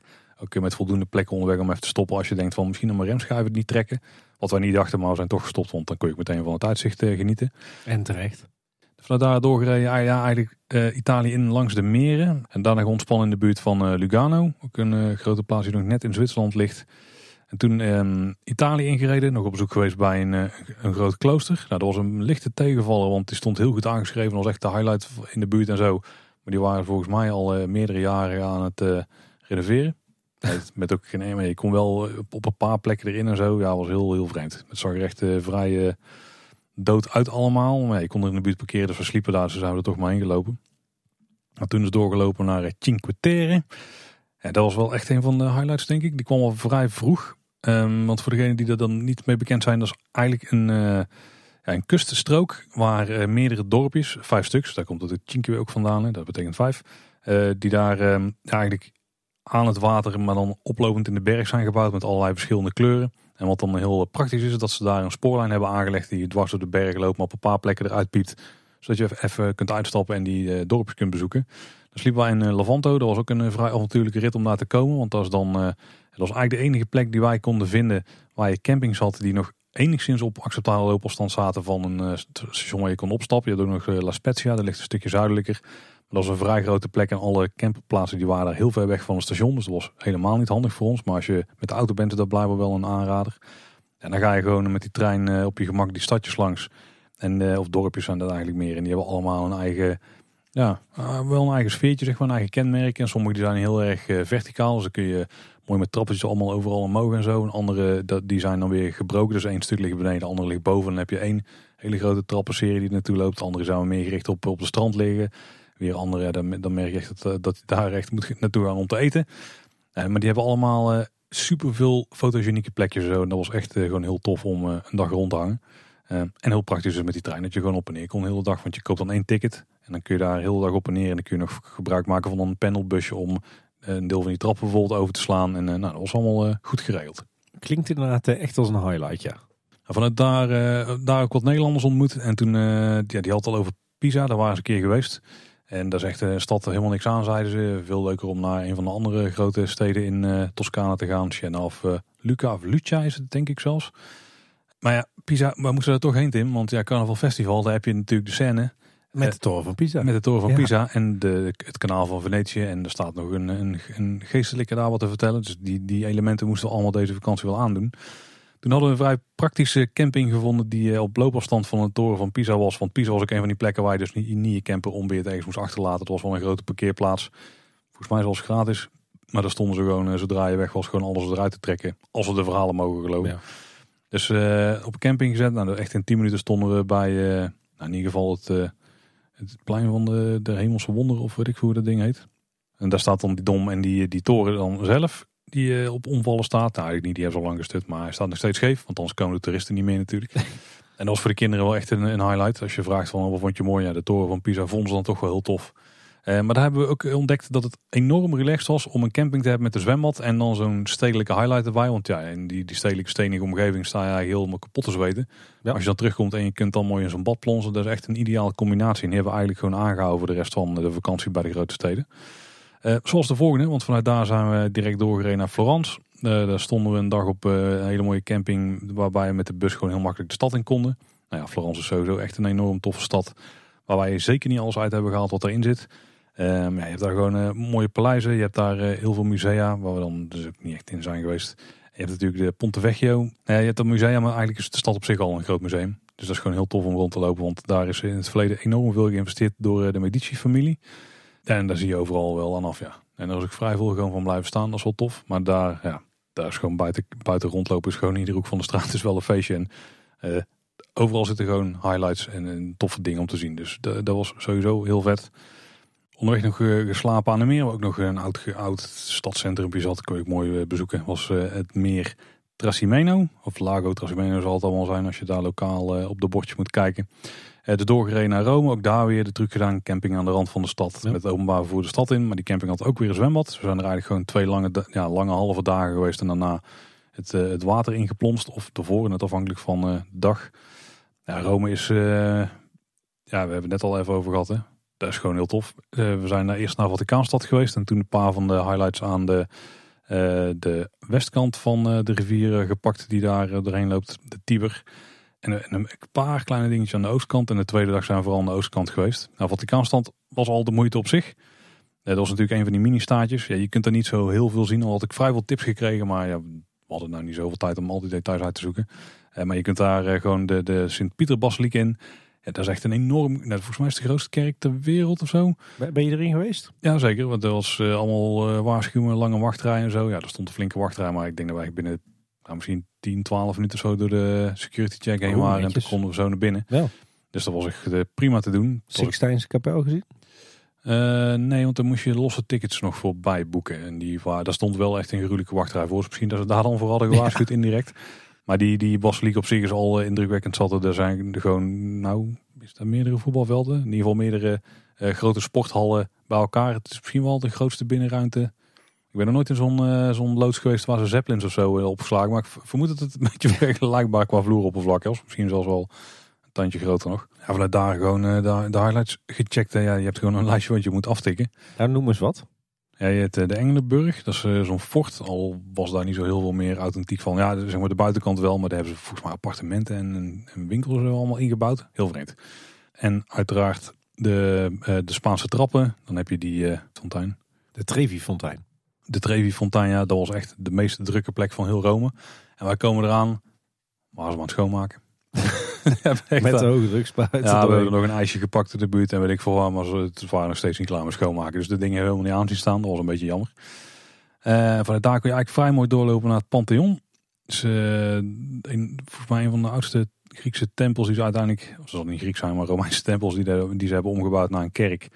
Echt bizar hoe ze dat ooit hebben kunnen bouwen in die tijd al. Echt wel een huzaren stukje architectuur zonder dat ze misschien zelf door hadden.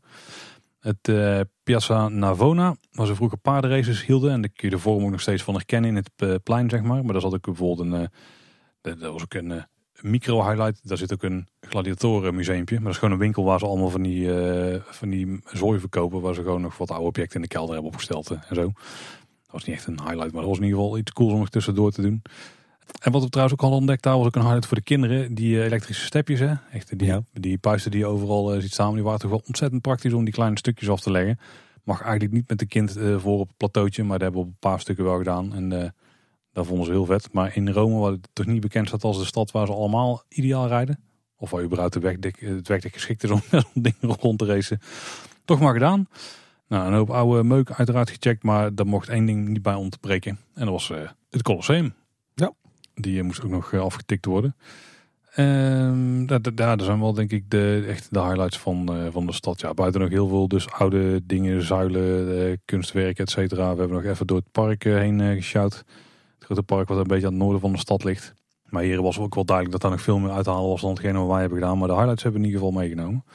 Dus een, een enige indruk van Rome hebben we wel gekregen.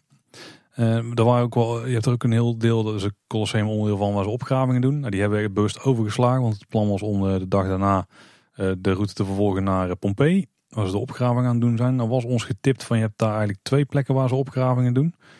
Pompeii is dan wel veruit de grootste, maar je hebt ook een andere wat kleinere opgraving. Die ligt er wat dichter bij Napels zelf. Maar die, ehm, die konden we gewoon niet praktisch met de, camping, of met de camper komen. En hier hadden we uiteindelijk gewoon een camperplaats. Of weer een campingachtig ding slash parkeerplaats. Heel vreemd was het. Het was wel echt een camping. Ja. Maar er zat ook een parkeerplaats bij. Die kerel die probeerde gewoon overal geld uit te slaan. Die op nog geen drie minuten wandelen zat denk ik van de entree van uh, het archeologisch park. Waar je dus ook meerdere ingangen hebt. Maar dit was dan uh, nou, volgens mij de hoofdingang. Of de, de in ieder geval... Uh, Ingang Parklaan. Een van de belangrijkere ingangen. En is echt enorm groot. Dat had ik me niet beseft, maar daar hebben ze heel veel al onder het eh, as vandaan getrokken. En ook heel goed bewaard gebleven dus. Want Pompeii is die, die stad waar uh, Vesuvius ooit... Uh, die is uitgebarsten en die heeft er toen eerst een hele dikke aslaag overheen gegooid. En daar zijn we geen volk overheen gedreven, waardoor heel veel mensen daar meteen overleden zijn. En daarna nog een hoop rotzooi eroverheen gekieperd, waardoor, het, ja, waardoor, waardoor eigenlijk gewoon een soort ziel over die afslag heen kwam. Nou, dat was het een kwestie van die harde laag wegbikken en gewoon gaan graven. Want de as was nog enigszins weg te halen. Toen is er een heel mooi bewaard gebleven, ja, authentieke oude Romeinse stad eh, tevoorschijn gekomen. Wel voor grote delen ingestort en zo natuurlijk. Ja, die kun je gewoon vrijwel, daar zijn wel delen afgezet. Maar je kunt echt op heel veel plekken gewoon te voet komen. Daar op eigen houtje gewoon rondstruinen. Uh, en op heel veel punten, je hebt wel uh, guided of audio tours en zo. En op heel veel plekken staat ik informatieborden. Maar het was voor ons vooral dat erheen struinen en af en toe bijna per ongeluk stuiten op, uh, op gewoon interessante dingen die daar te zien zijn. Zoals oude binnentuinen die ze dan weer hebben aangekleed met groen zoals ze toen waren. En hebben ze de daken ook hersteld en zo. En oude schilderingen die overal te vinden waren. Uiteindelijk ook naar het amfitheater en zo gelopen. Je hebt er ook nog een paar ja, moderne gebouwen met, um, met museagangen. Kun je ook het beste noemen denk ik. Waar ze wel objecten hebben tentoongesteld of we hebben gegroepeerd naar thema en zo. Dat is eigenlijk heel tof. We hebben daar meer, ja, ik weet niet, een uur of drie, vier of zo rondgeschaat. En dat was wel echt de moeite. En dat was een beetje het zuidelijkste puntje wat we aan de westkust hebben uh, bezocht. Want toen zijn we namelijk naar de oostkust gereden. Uh, door een heel uh, tof, ja, ik, ik, weet niet eens hoe het heet, maar in ieder geval een natuurgebied. heel erg hoog de berg in en uiteindelijk weer terug. Um, en toen kwamen we dus op een van de, de, dingen waar we voordat we de reis starten eigenlijk niet aan hadden gedacht. Maar dat was Matera. Wat een vrij zuidelijk gelegen dorpje is. Een beetje in die, als je zeg maar het stuk hebt tussen de, tussen de hak en de, de neus van de laag, zeg maar. Dan, dan ligt het daar een stukje land inwaarts tussen. Um, en dat is een, een, een, plek waar je heel veel van die oude grotwoningen hebt. Oh, Oké. Maar er is eigenlijk een heel, hele stad bovenop gebouwd. Uh, waardoor je dus een stad hebt die in een soort, ja, in een soort uh, valleitje ligt. Dan heel klein. Met dus honderden op elkaar gestapelde huisjes. Zo lijkt het met daar in en tussen en onder grotwoningen. Waar we ook zo s'avonds zijn geweest. Dan is ook alles heel tof verlicht. Maar omdat het dus in een soort vallei ligt. Waarbij de stad eigenlijk een beetje... De moderne stad is uitgegroeid tot bovenaan de rand. Kun je dus op heel veel plekken zeg maar, de, ja, het stadsgat inkijken, om het zo maar te noemen.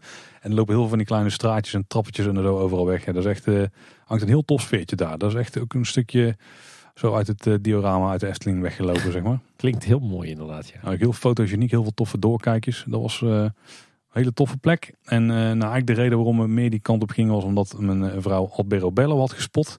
Wat een stad is waar heel veel van die ja, steengestapelde huisjes uh, staan met van die puntdaken. Die zie je daar, als je daarheen rijdt, zie je die wel uh, meer opdoemen in, uh, langs de wegen en zo. Die, die, dat waren blijkbaar perfecte huisjes, omdat je die ook makkelijk weer kan afbreken. Want dat had dan weer te maken met het belastingstelsel wat ze ooit hadden. Dan kwamen ze controleren, brak je snel je huis af.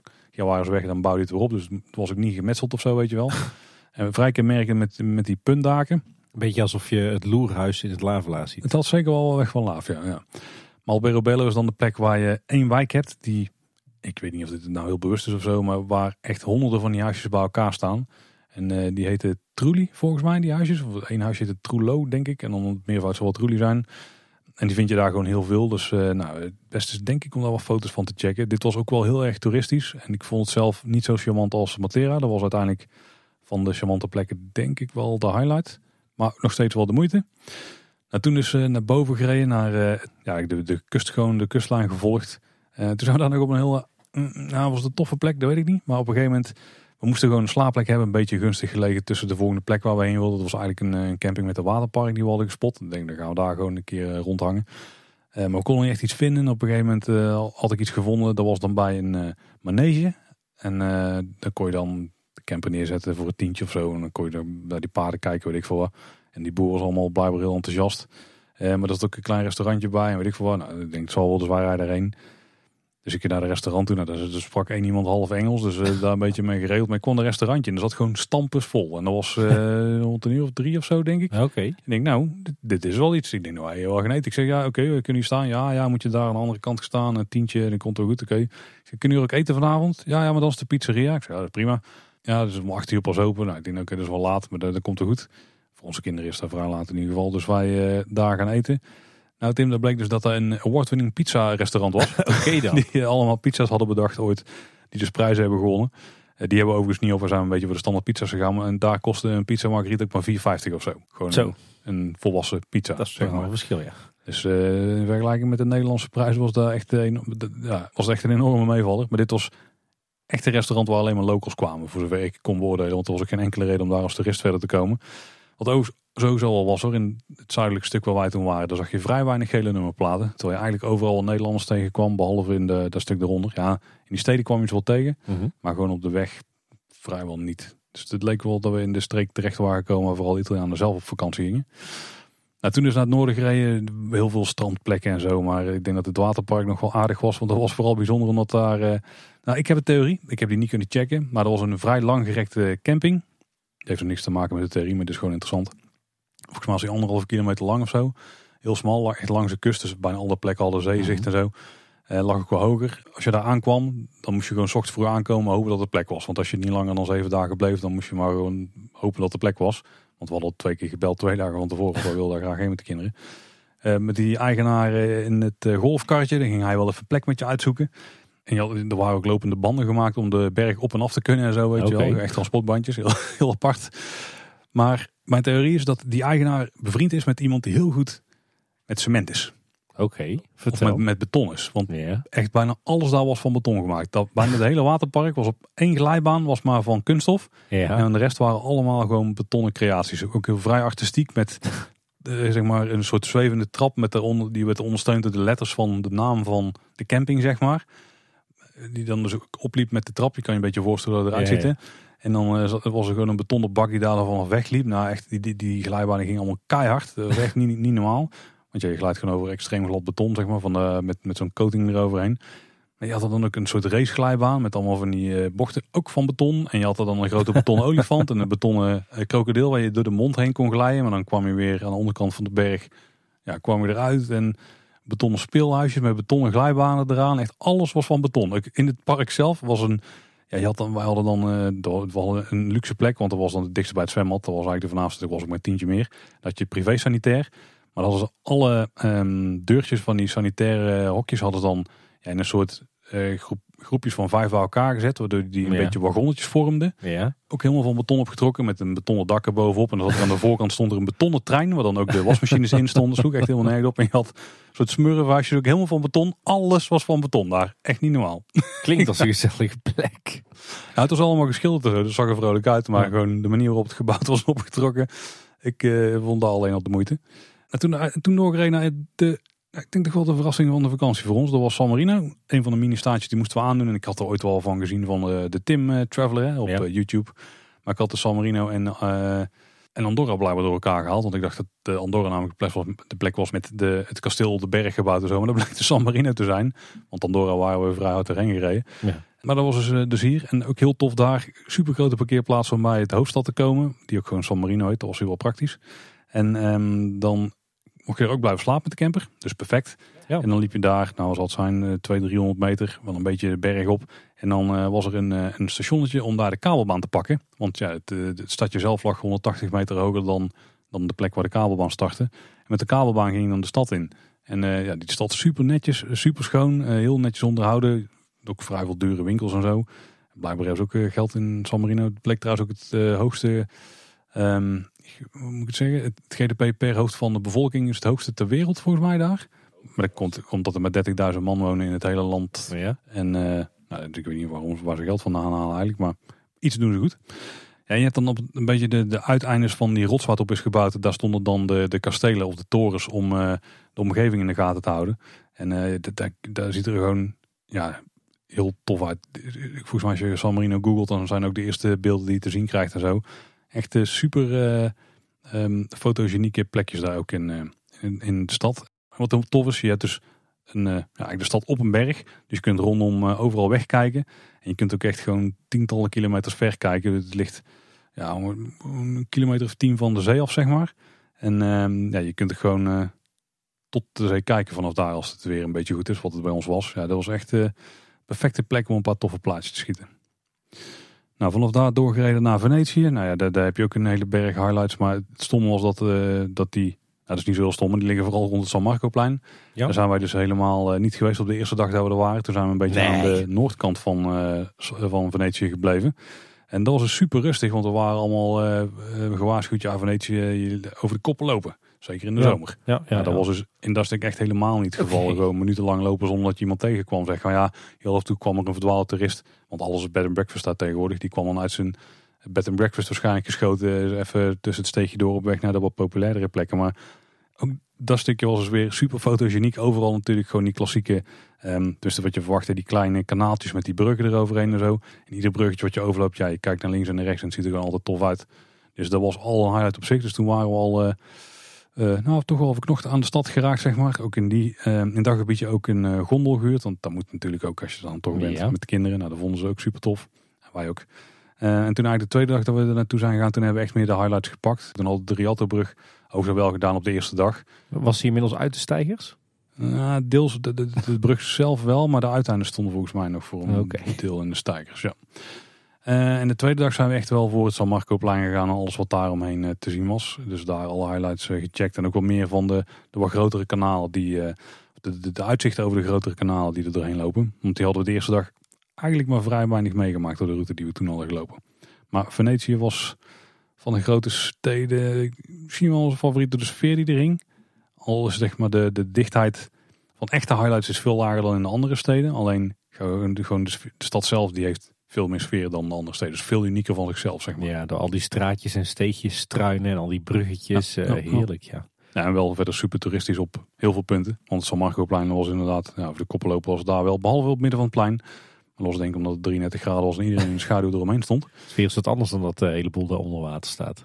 Ja, nee, dat, dat gebeurt ook blijkbaar niet meer door uh, de, de lokale delta werken, zeg maar, ja, die ze daar hebben gebouwd. Als die werkt wel, ja. Nee, de laatste paar keer met hoge water, oh, toen uh, was het goed te doen.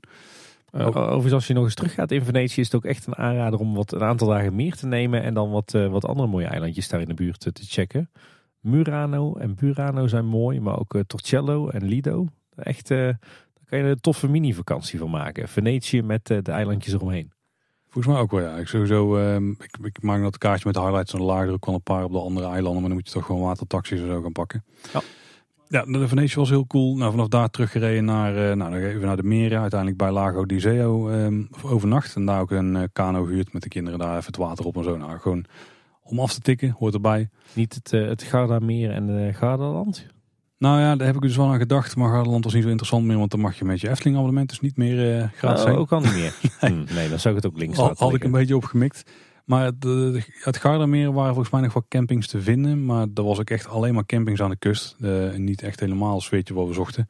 Komen meer hadden we eigenlijk nog veel liever overnacht. Alleen dat is dan weer het nadeel dat alle plekken aan het meer waar je kunt komen, die zijn gewoon dichtgebouwd. En als je daar ja. zo echt wil overnachten, was ook vrijwel onmogelijk. Uh, voor in ieder geval kortere perioden. Dus dat moet ook een keer met een rustigere periode denk ik doen. Of gewoon echt een paar dagen verblijven. Dus eigenlijk daar Lago di Zeo, daar was nog gewoon nog plek. Iets kleiner meertje, maar uh, ook uh, met enorm mooi uitzicht eromheen. Maar dat is met al die meren tussen de bergen. Dat is gewoon sowieso uh, chic de Friemel. Nou, toen teruggereden naar, door, naar Zwitserland. Daar nog een mooie overnachtingsplek gehad langs flink stromende beek. Nou, dat is meer een rivier was het dan denk ik. Nou, de mooie, mooie route weer door Zwitserland teruggenomen. Maar dat is eigenlijk standaard daar bij Basel het land uit en toen naar Europa Park. Eerst een, uh, een, dagje naar uh, Rulantica. Of een, eigenlijk, ja, dat eigenlijk een dag geworden uiteindelijk, want we waren veel vroeger daar dan we dachten. De laatste keer dat we naar, bij Zwitserland Basel uitreden was het uh, daar in file staan voor anderhalf, twee uur. En toen waren we niet zo snel naar Europa Park, want dat heb ik al een keer eerder gedaan. Maar nu waren we er eigenlijk al volgens mij rond de middag. Dus okay. toen hebben we vanaf één uur volgens mij in Rulantica rondgebracht. Of doorgebracht. Dus dat was goed te doen. En Rulantica is het grote waterpark van Europa Park. En hoe was het? Ik vond het wel heel tof. Maar ik hou ook wel van zwemmen. De kinderen ook. En ja, het is gewoon een prima manier om jezelf te vermaken daar. Voor uh, meer dan... Uh, nou, naast het park zeg maar. Ik denk dat je daar echt wel een dag kunt vermaken. Ja. Het is ons gelukt. Dus dat zal het de meeste ook wel lukken denk ik. En hoe was de aankleding binnen? De thematisering? Mooi? Of? Ja, hit, om, hit en mis. Um, eigenlijk alle twee tegelijk ook vaak. Je hebt er wel stukken... Nou, is de thematisering dan mooi? Nou ja, eigenlijk niet.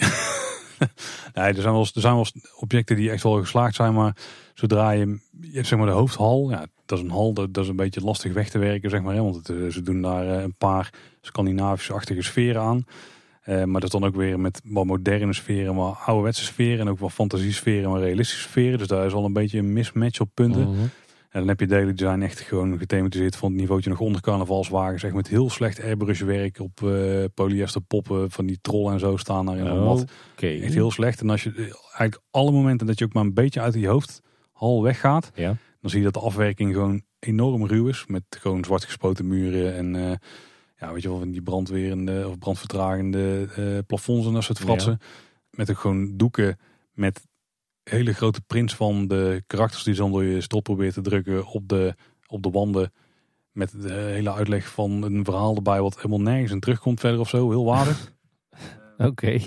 Dus dat, dat was allemaal niet zo top. Maar ja, de glijbanen zijn gewoon vet. En er, en er is veel meer aankleding dan mijn gemiddelde zwembad. Dus wat dat betreft is het wel, is het wel oké. In de, van wel, ik denk dat voor ons de highlights wel de Lazy River was. Met de, de banden gewoon ronddobberen. Daar hebben ze nog wel een poging gedaan om wat thema toe te voegen. Maar ja, dat is ook veel met projecties en wat lichteffecten en zo. Dat was hit of miss. Zaten wel aardige stukken tussen. Je hebt nog één stuk met een boot met wat glijbanen eruit. Dat was ook nog wel aardig. Kwamen trouwens wel luisteraars tegen. Nogmaals hoi. En de, de, de, de wildwaterbaan, die was ook heel vet. En die was ook wel aardig aangekleed. Maar ja, het, is, het, is, het gaat nergens echt het niveau van aardig voorbij, zeg maar. Het is niet... En niet wat je hoopt eh, van als de Efteling ooit nog eens een waterpark zou openen, dan zou dit niveau moeten zijn. Nee, het is, net, het is allemaal net iets te oppervlakkig, denk ik, of zo. En ja, op sommige plekken ook gewoon slecht. Maar op heel veel, het is gewoon wel een heel tof waterpark. Daar, zonder meer. En wat vind je? Want uh, Europa Park staat bij ons ook nog wel op de verlanglijst. Eh, de meiden die zijn allebei dol op zwemmen. Anne ook wel, ik niet. wel of niet naar Rolantica? Als je de tijd hebt, zeker naartoe gaan. Wat moet ik dan, wat moet ik dan heel de tijd doen? Niet zwemmen. Gewoon in een zwemband gaan zitten en van zo'n glijbaan afgaan. Ah ja. Dan ben je niet aan het zwemmen, technisch. Nee, dat is waar. Die gaan trouwens wel echt ontzettend hard, die glijbanen. Oh, dat dus, was ik. Met de kinderen eentje die begon vragen te huilen en de andere vond het super vet. Dus daar, dan ben ik toen maar een paar keer meer mee gegaan. Maar de jongste die vond het helemaal niks. En wat ik eigenlijk daar wel miste waren een beetje uh, body slides, zeg maar. Dat je gewoon er zelf vanaf, ja, dat er een paar met zo'n zo'n valluikje, zeg maar, maar daar geef ik dan niks om. Maar die had je niet echt veel. Dat was bijna allemaal met banden en dan was dan hoop sjouw en zo. En soms komen de banden wel bovenuit, vooral met die uh, waar je met vier personen in kunt. En buiten heb je er wel inmiddels wat. Je hebt er een beetje zo'n ja, zo'n waterpark waar dan kunststofachtige draak of zo ook doorheen zit. Een beetje bij elkaar gesproken. Een beetje een nestuitstraling heeft hij eigenlijk. Daar komt het wel mee, oh, maar dan veel groter. Wat ook heel tof is aan het zwembad is de entree en zo. Want je hebt daar ook een hotel bij liggen en uh, er ligt een soort ja, ook Scandinavische uh, strookwit tussen of zo. Met terrasjes en een beetje de entree boulevard. En uh, die loopt dan naar de parkeerplaats toe. En dan kom je ook in de, de, de, de entree van het zwembad. En nou, die ziet er al heel chic uit. En je hebt ook een systeem met van die polsbandjes wat heel handig is. Daar kun je ook meteen je kluisje en zo mee open en dicht doen. Mhm. Dat is allemaal vrij frictieloos. Dat is wel, uh, wel relaxed. Wel heel vreemd trouwens is dat je gewoon gescheiden douches hebt. Vond ik vreemd. Je hebt niet echt familiedouches. Ik denk ja, weet je wel, we zijn dan met z'n vieren. Drie dametjes en ik. Ja, ik sta dan overal gewoon mezelf te douchen. Maar ja. er stonden er ook gewoon gasten naakt te douchen. Het was ook niet zo handig om de kinderen mee te nemen. Het was een beetje vreemd. Ook Duits, denk ik. Herkenbaar. Ik moet ook zeggen, ik ga hier in Nederland uh, heel vaak... De meiden willen eigenlijk altijd naar de, de, de vrouwen-wc als ze uh, zelf gaan plassen. Maar ja, ik moet vaak mee. En hier in Nederland loop ik best makkelijk gewoon de dames-wc in. En daar boeit tegenwoordig ook eigenlijk bijna niemand meer. Dat moet je in Oostenrijk dus niet doen. Daar zijn ze nog niet zo ver. Oh, oké. Nou, dan goed om te weten als wij die kant op gaan. Ja, en uh, wij sliepen er trouwens op de Europa Park uh, Resort Camping. Of Camp, uh, camp Resort, of weet ik hoe het heet. Bernshoef. Nee, ik denk dat de Bernshoef meer gras heeft staan dan, dan daar. Oké. Okay. Dit waren veredelde parkeerplaatsen waar wij stonden. Wel ruim, daar wel. En met wel aardige faciliteiten. S'avonds nog een cowboy showtje en zo. Maar dat was, was op zich verder oké. Okay. Wel enigszins prijzig voor een, voor een camperplaats. Maar door de faciliteiten toch de moeite en de loopafstand van Europa Park ook. Want dat was natuurlijk de laatste dag van onze vakantie voordat de terugreis begon. Wat het al een dag later was, was naar Europa Park zelf. Ja, en Europa Park, ja, dat is ja, niet de Efteling hè? Nou ja, volgens uh, velen, volgens veel Efteling-liefhebbers en Efteling-medewerkers is Europa Park zo'n beetje het beloofde land, toch? Ja, kijk, op punten snap ik daar wel. Maar dan moet je toch echt wel door heel veel vingers heen kijken. Uh, om dat uh, te vinden, vind ik. Weet je wat het is bij Europa Park? Volgens mij heb je het ook gezegd, een kleine boodschap. Je valt van de ene verbazing in de andere, maar dat is niet per se positief altijd. Weet je, je vraagt je gewoon heel vaak af van hoe hebben ze ooit kunnen verzinnen dat dit een goed idee was. En, dan, en soms pakt dat goed uit, maar heel vaak ja, resulteert er gewoon in overbodige dingen die je gewoon afleiden van iets wat anders wel goed had, of gewoon echt goed had kunnen zijn, zeg maar. Ja, bijvoorbeeld ze hadden er ooit uh, Schlittenvaart, volgens mij was -hmm. dat. was uh, gewoon zo'n bootjestocht door een soort Afrikaans gebied, want dat is typisch Europees. Nou, daar hebben ze zelf ook door uh, ingezien, dus dat hebben ze weggehaald. Ja, er stonden wat olifantenpoppen bij en zo en nog wel andere dieren. En die hebben ze gewoon echt op willekeurige plekken in het, in het park teruggezet. Waaronder een olifant bij Scandinavië. Loop je van Nederland naar Scandinavië, kom je langs een olifant. Ja, is een, weet je wel, is een beetje alsof je de jammerende man uit het spookslot op het Carnaval Festivalplein neerzet. Nou, inderdaad, precies zo. Of uh, dan hebben ze uh, Piraat in Batavia. Die hebben ze herbouwd een paar jaar geleden. Nou, dat is wel echt een enorm toffe ride. Ik denk mijn favoriet van het park. Op heel veel punten echt een, een, ride die meedoet op wereldniveau. Maar ook heel veel plekken waar ze dan echt gewoon de plank compleet misslaan. En, en ook wat je dan ook weer ziet. Dan hebben ze bijvoorbeeld de projectietechniek ontdekt. Hè, van die projection mapping, waar ze best wel toffe dingen mee doen. Alleen dan gebruiken ze veel te veel, waardoor het, waardoor het op een gegeven moment gewoon afleidt. Weet je wel, is niet meer van, oh wow, dat is vet. Maar dan is het dan, oh ja, dan heb je het weer. Ja, ja. En, en op een gegeven moment heb je ook een moment al vrij vroeg in de rit, of in het midden of zo. Maar dan worden wel kanonschoten afgevuurd tussen verschillende schepen. En dan slaat er een in op de muur waar jij dan toevallig net langs vaart. Nou, dan gaat die muur die gaat branden of zo. Dat is al vreemd. En dan komen de tor uit. Dan in één keer gaat dat gat weer dicht. En ik zat er echt zitten kijken. Ik denk, ja. Heb ik net een pilletje gepakt of een padden of zo? Of weet ik Heeft uh, iemand iets te veel absint uh, genuttigd, zeg maar. Ja, en dan hebben ze er weer extra projecties toegevoegd. Die dan ook weer niet helemaal matchen met hoe je vaart. Ja, ik, de, volgens mij mijn theorie over Europa Park is dat daar mensen ideeën hebben. Nou, waarschijnlijk uit een bepaalde familie. Maar dat nooit iemand zegt van, mm, zullen we dat wel doen? Ik denk dat we dat niet moeten doen. Daar zegt gewoon nooit iemand daar. Er is gewoon een idee, er wordt gewoon uitgevoerd zonder te kijken of dat echt een goed plan is. Ik denk dat dat gewoon het probleem is. Ja, wat je dan uh, uiteindelijk ook krijgt is een park. Want daar snap ik namelijk wel waarom, waar de beloofde land een beetje vandaan komt. De attractiewaarde van het totaalpakket wat je daar krijgt is wel echt enorm hoog. Dus je kunt je daar gewoon heel goed van maken. Want er staan zoveel attracties voor iedereen ook. Ja, er staat daardoor ook heel veel muik, want ze hebben ook uh, zelden wel weggehaald, zeg maar. En ja. ze blijven het alleen maar aanvullen met verschillende stukken rotzooi. Op een gegeven moment ben ik een grote achtbaan gaan doen. Uh, Silverstar, want die hadden ik in ons eerste bezoekje nog niet gedaan. Toen hebben de, mijn vrouw met de kinderen, die hebben een paar van die kleine attracties afgetikt. Je hebt zo'n, ja, weet je wel, zo'n micro piranha ding. Zonder dat het omhoog of omlaag gaat. Dat is de elfenvaart volgens mij of zo. En een paar van die andere uh, mini-attracties daar. Je hebt het treintje en de, de, een oude tufferachtige variant, et cetera. En daar hebben ze gewoon echt random poppen neergezet die totaal niet bij elkaar passen. Ook gewoon in één keer allemaal elfjes. Er staat er een koe tussen die ook in, in verhouding echt veel te groot of te klein, zo net hoe je het wil zeggen. En er staan er poppen bij van verschillende, uh, verschillende stijlen en zo. Ja, daar klopt gewoon helemaal niks van. En ja, ik weet niet wat het is, maar dat haalt mij dan op heel veel punten wel uit het park, zeg maar. Ja, je hebt dan Parijs mooi netjes aangekleed, of Frankrijk dan. En dan staat daar zo'n grote Epcot bol, want ja. ja die hadden ze daar gezien, dus waarom zetten we die hier niet neer? Nogmaals viel van de ene verbazing in de andere. En soms was het omdat er een enorm goede attractie tussen zat. Maar vaak was het omdat ze echt dingen hadden, of keuzes hadden gemaakt die, die gewoon echt. Dat waren omdat er gewoon geen keuzes waren gemaakt. Ja. Punt. Daar was het eigenlijk. Ja. Ik, ik wil even iets tegen je aanhouden. Nou. Namelijk, ik ben eh, ook een paar keer in Europa Park geweest in het verleden. En uh, mijn visie op Europa Park, heel kort. Goede attracties over het algemeen. Goede horeca. Goede capaciteit. Prachtige resorts. Maar alles is zo godsgruwelijk lelijk. En als, telkens als ik dat uitleg tegen mensen, dan, dan verklaren ze me voor gek. Want ja, dat lelijke moet je doorheen kijken. En uh, dat is het uh, Duitse uh, kitsch. En ja, dan word ik eigenlijk voor gek verklaard. Want Europa Park is toch het beloofde land. Maar ik kan niet door die kitsch en lelijkheid heen kijken. Nou, het is niet echt niet alleen maar kitsch en lelijkheid hoor. Nogmaals, Piraten in Batavia, daar heb je ook een paar uh, scènes in zitten. En, en, sorry luisteraars die denken, dit was toch allemaal over reizen en zo. Nou is het allemaal pretpark. Ja, maar het is geen Efteling en hier kunnen we het allemaal kwijt. Uh, maar dan heb je een paar scènes die zijn echt, echt super vet hoor. De eerste waar je, je valt op een gegeven moment, nou, spoiler naar beneden. En dan gaan er wat poorten open en dan ben je in een soort uh, Indonesisch vissersdorp in, in een jungle of zo, weet je wel. Dat is echt een super toffe scène. Wel helemaal verknald met veel te felle gekleurde lampen en zo. Want ja, daar ga je al. Subtiel zijn ze niet alleen de vormgeving daar is wel echt heel tof.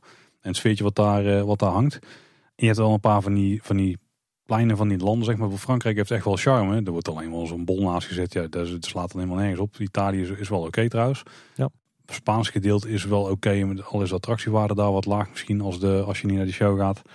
Uh, IJsland is sowieso heel goed. Maar dat komt misschien ook door degene die ontwerp daar heeft gedaan. Ja. Er zijn heel veel plekken die iets goeds hebben. Alleen door, ja, nogmaals, gewoon keuzes niet te maken. Door geen nee te zeggen worden ze weer omlaag getrokken. En ja, de Duitse edelkitchen die is er op heel veel plekken ook te vinden. En het is niet alleen de edelkitchen in het algemeen, maar ook gewoon de moderne Duitse, ja, moeten zeggen. Ivory kitsch. Ja, weet je wat in Duitsland is? En dat is ook wel een familie Mak ding volgens mij. Die houden nogal, eh, die houden nogal van dames in schaarse kleding. Dus die worden echt pas en de onpas overal bijgesleept. Ook als het echt totaal niet past. We, zaten op een gegeven moment volgens mij bij Italië of zo. Een of andere showtje te kijken. Wat dan meer een soort Idols-achtig ding was of zo. Zo'n talentenjachtshow met een of andere... Ja, weet ik veel. Ik, ik kan niet eens uitleggen hoe... Nou ja, slaat echt helemaal nergens op. Past ook helemaal niet daar. Maar ja, weet je wel. Kan. Want het, het is wel gewoon... Europa is ook wel veel, zeg maar. Het is gewoon heel veel. Gewoon ook veel entertainment, veel vreten, veel... Uh, winkeltjes, veel, ja, veel attracties dus ook. En ook echt attracties van wereldformaat. En ze hebben ook een ambitie van wereldformaat trouwens. Dat blijkt wel als je weer daar de eh, de, als je aankomt draaien en je komt er eens bij zo'n grote fontein en dan heb je een grote poortje. Het doet heel allemaal denken aan bepaalde parken iets, uh, Meer eh, ten eh, westen van eh, dit park, zeg maar. Mhm. Dat, dat doen ze allemaal heel goed met die hotels erbij en de resorts. Ja, ja. Sommige delen zijn wel echt lelijk, ja. Maar eh, eh, het beloofde land naast de Efteling dus, of niet? Ik zeg al, als je dus heel veel vingers door eh, wil kijken, dan... Ja, als je puur gaat op, wat- op attractiewaarde, dan ja. Nee, maar we kijken naar het totaalplaatje. Hè? Dan absoluut niet. Maar het is wel zo dat als jij eh, als je niks geeft om het escapisme, of als je dat niet zo belangrijk vindt, ja, dan eh scoort Europa Park wel goed. Maar als je dat ook wel meeneemt, wat wij dan graag doen, denk ik. Of esthetiek in zijn algemeenheid. Ja, dat ook ja. Of, of smaak of zo bijvoorbeeld, om iets te noemen. Dan, eh, nee, dan valt het snel door de mand. Fijn dat wij op één lijn zitten, Paul. En ik dacht dus dat, Dat ik te zuur was. ja, maar dat ben je niet. Dankjewel. Nou, en het laatste stukje van de reis was gewoon heel hard terugrijden. En eh, toen waren we weer. Was je niet finaal gesloopt na 3,5 week van dit? Nee, want we hadden verrassend goed geslapen eigenlijk. Dus eh, daar viel niet tegen. Nee, viel eigenlijk wel mee. Want het was gewoon eh, maandag, Respect. zondag of waren zaterdag, loop van de middag terug. even alles uitgepakt, schoongemaakt. En volgens mij zijn we zondag naar de Efteling geweest. En toen was het gewoon weer, en niet school, maar toen was het wel gewoon meteen weer werken. Dus kon je even een week bijslapen. ik kantoor. Nee, ik niet hoor. Ik had tussendoor al wat gewerkt. Dus Oh nee, dat is waar jij werkt niet voor gemeente. Zo zit het in. nou, ik heb er veel te lang zitten kletsen. Wenen, highlights. Ik hoor het graag, want ik eh, ben een lijstje aan bijhouden van alle plekken waar wij naartoe moeten. Ah, Als kijk, in gaan. Wenen of gewoon überhaupt? Ook, ook in, Ja, ja. in het algemeen, maar Wenen sowieso. Nou, eh, laten we snel naar Wenen gaan dan, eh, met de trein. Eh, want wij kwamen natuurlijk op eh, zaterdagochtend eh, aan in ons appartement. Nou, je kent dat wel. Even een half uurtje liggen, even een half uurtje opfrissen. En toen dachten we, zijn we te brak om van huis te gaan of gaan we gewoon gelijk knallen? Nou, het werd dat tweede. Eh, we hadden op aanraden van Mark van eh, Zoo Insight, de Nederlandse dierentuin podcast, hadden we eh, een aquarium toegevoegd aan onze wensenlijst. Het Huis des Meres. En hij had het aangeraden omdat het in een heel bijzonder gebouw zat. En wij dachten van ja, als je dan toch brak uit de nachttrein rolt en je hebt weinig geslapen.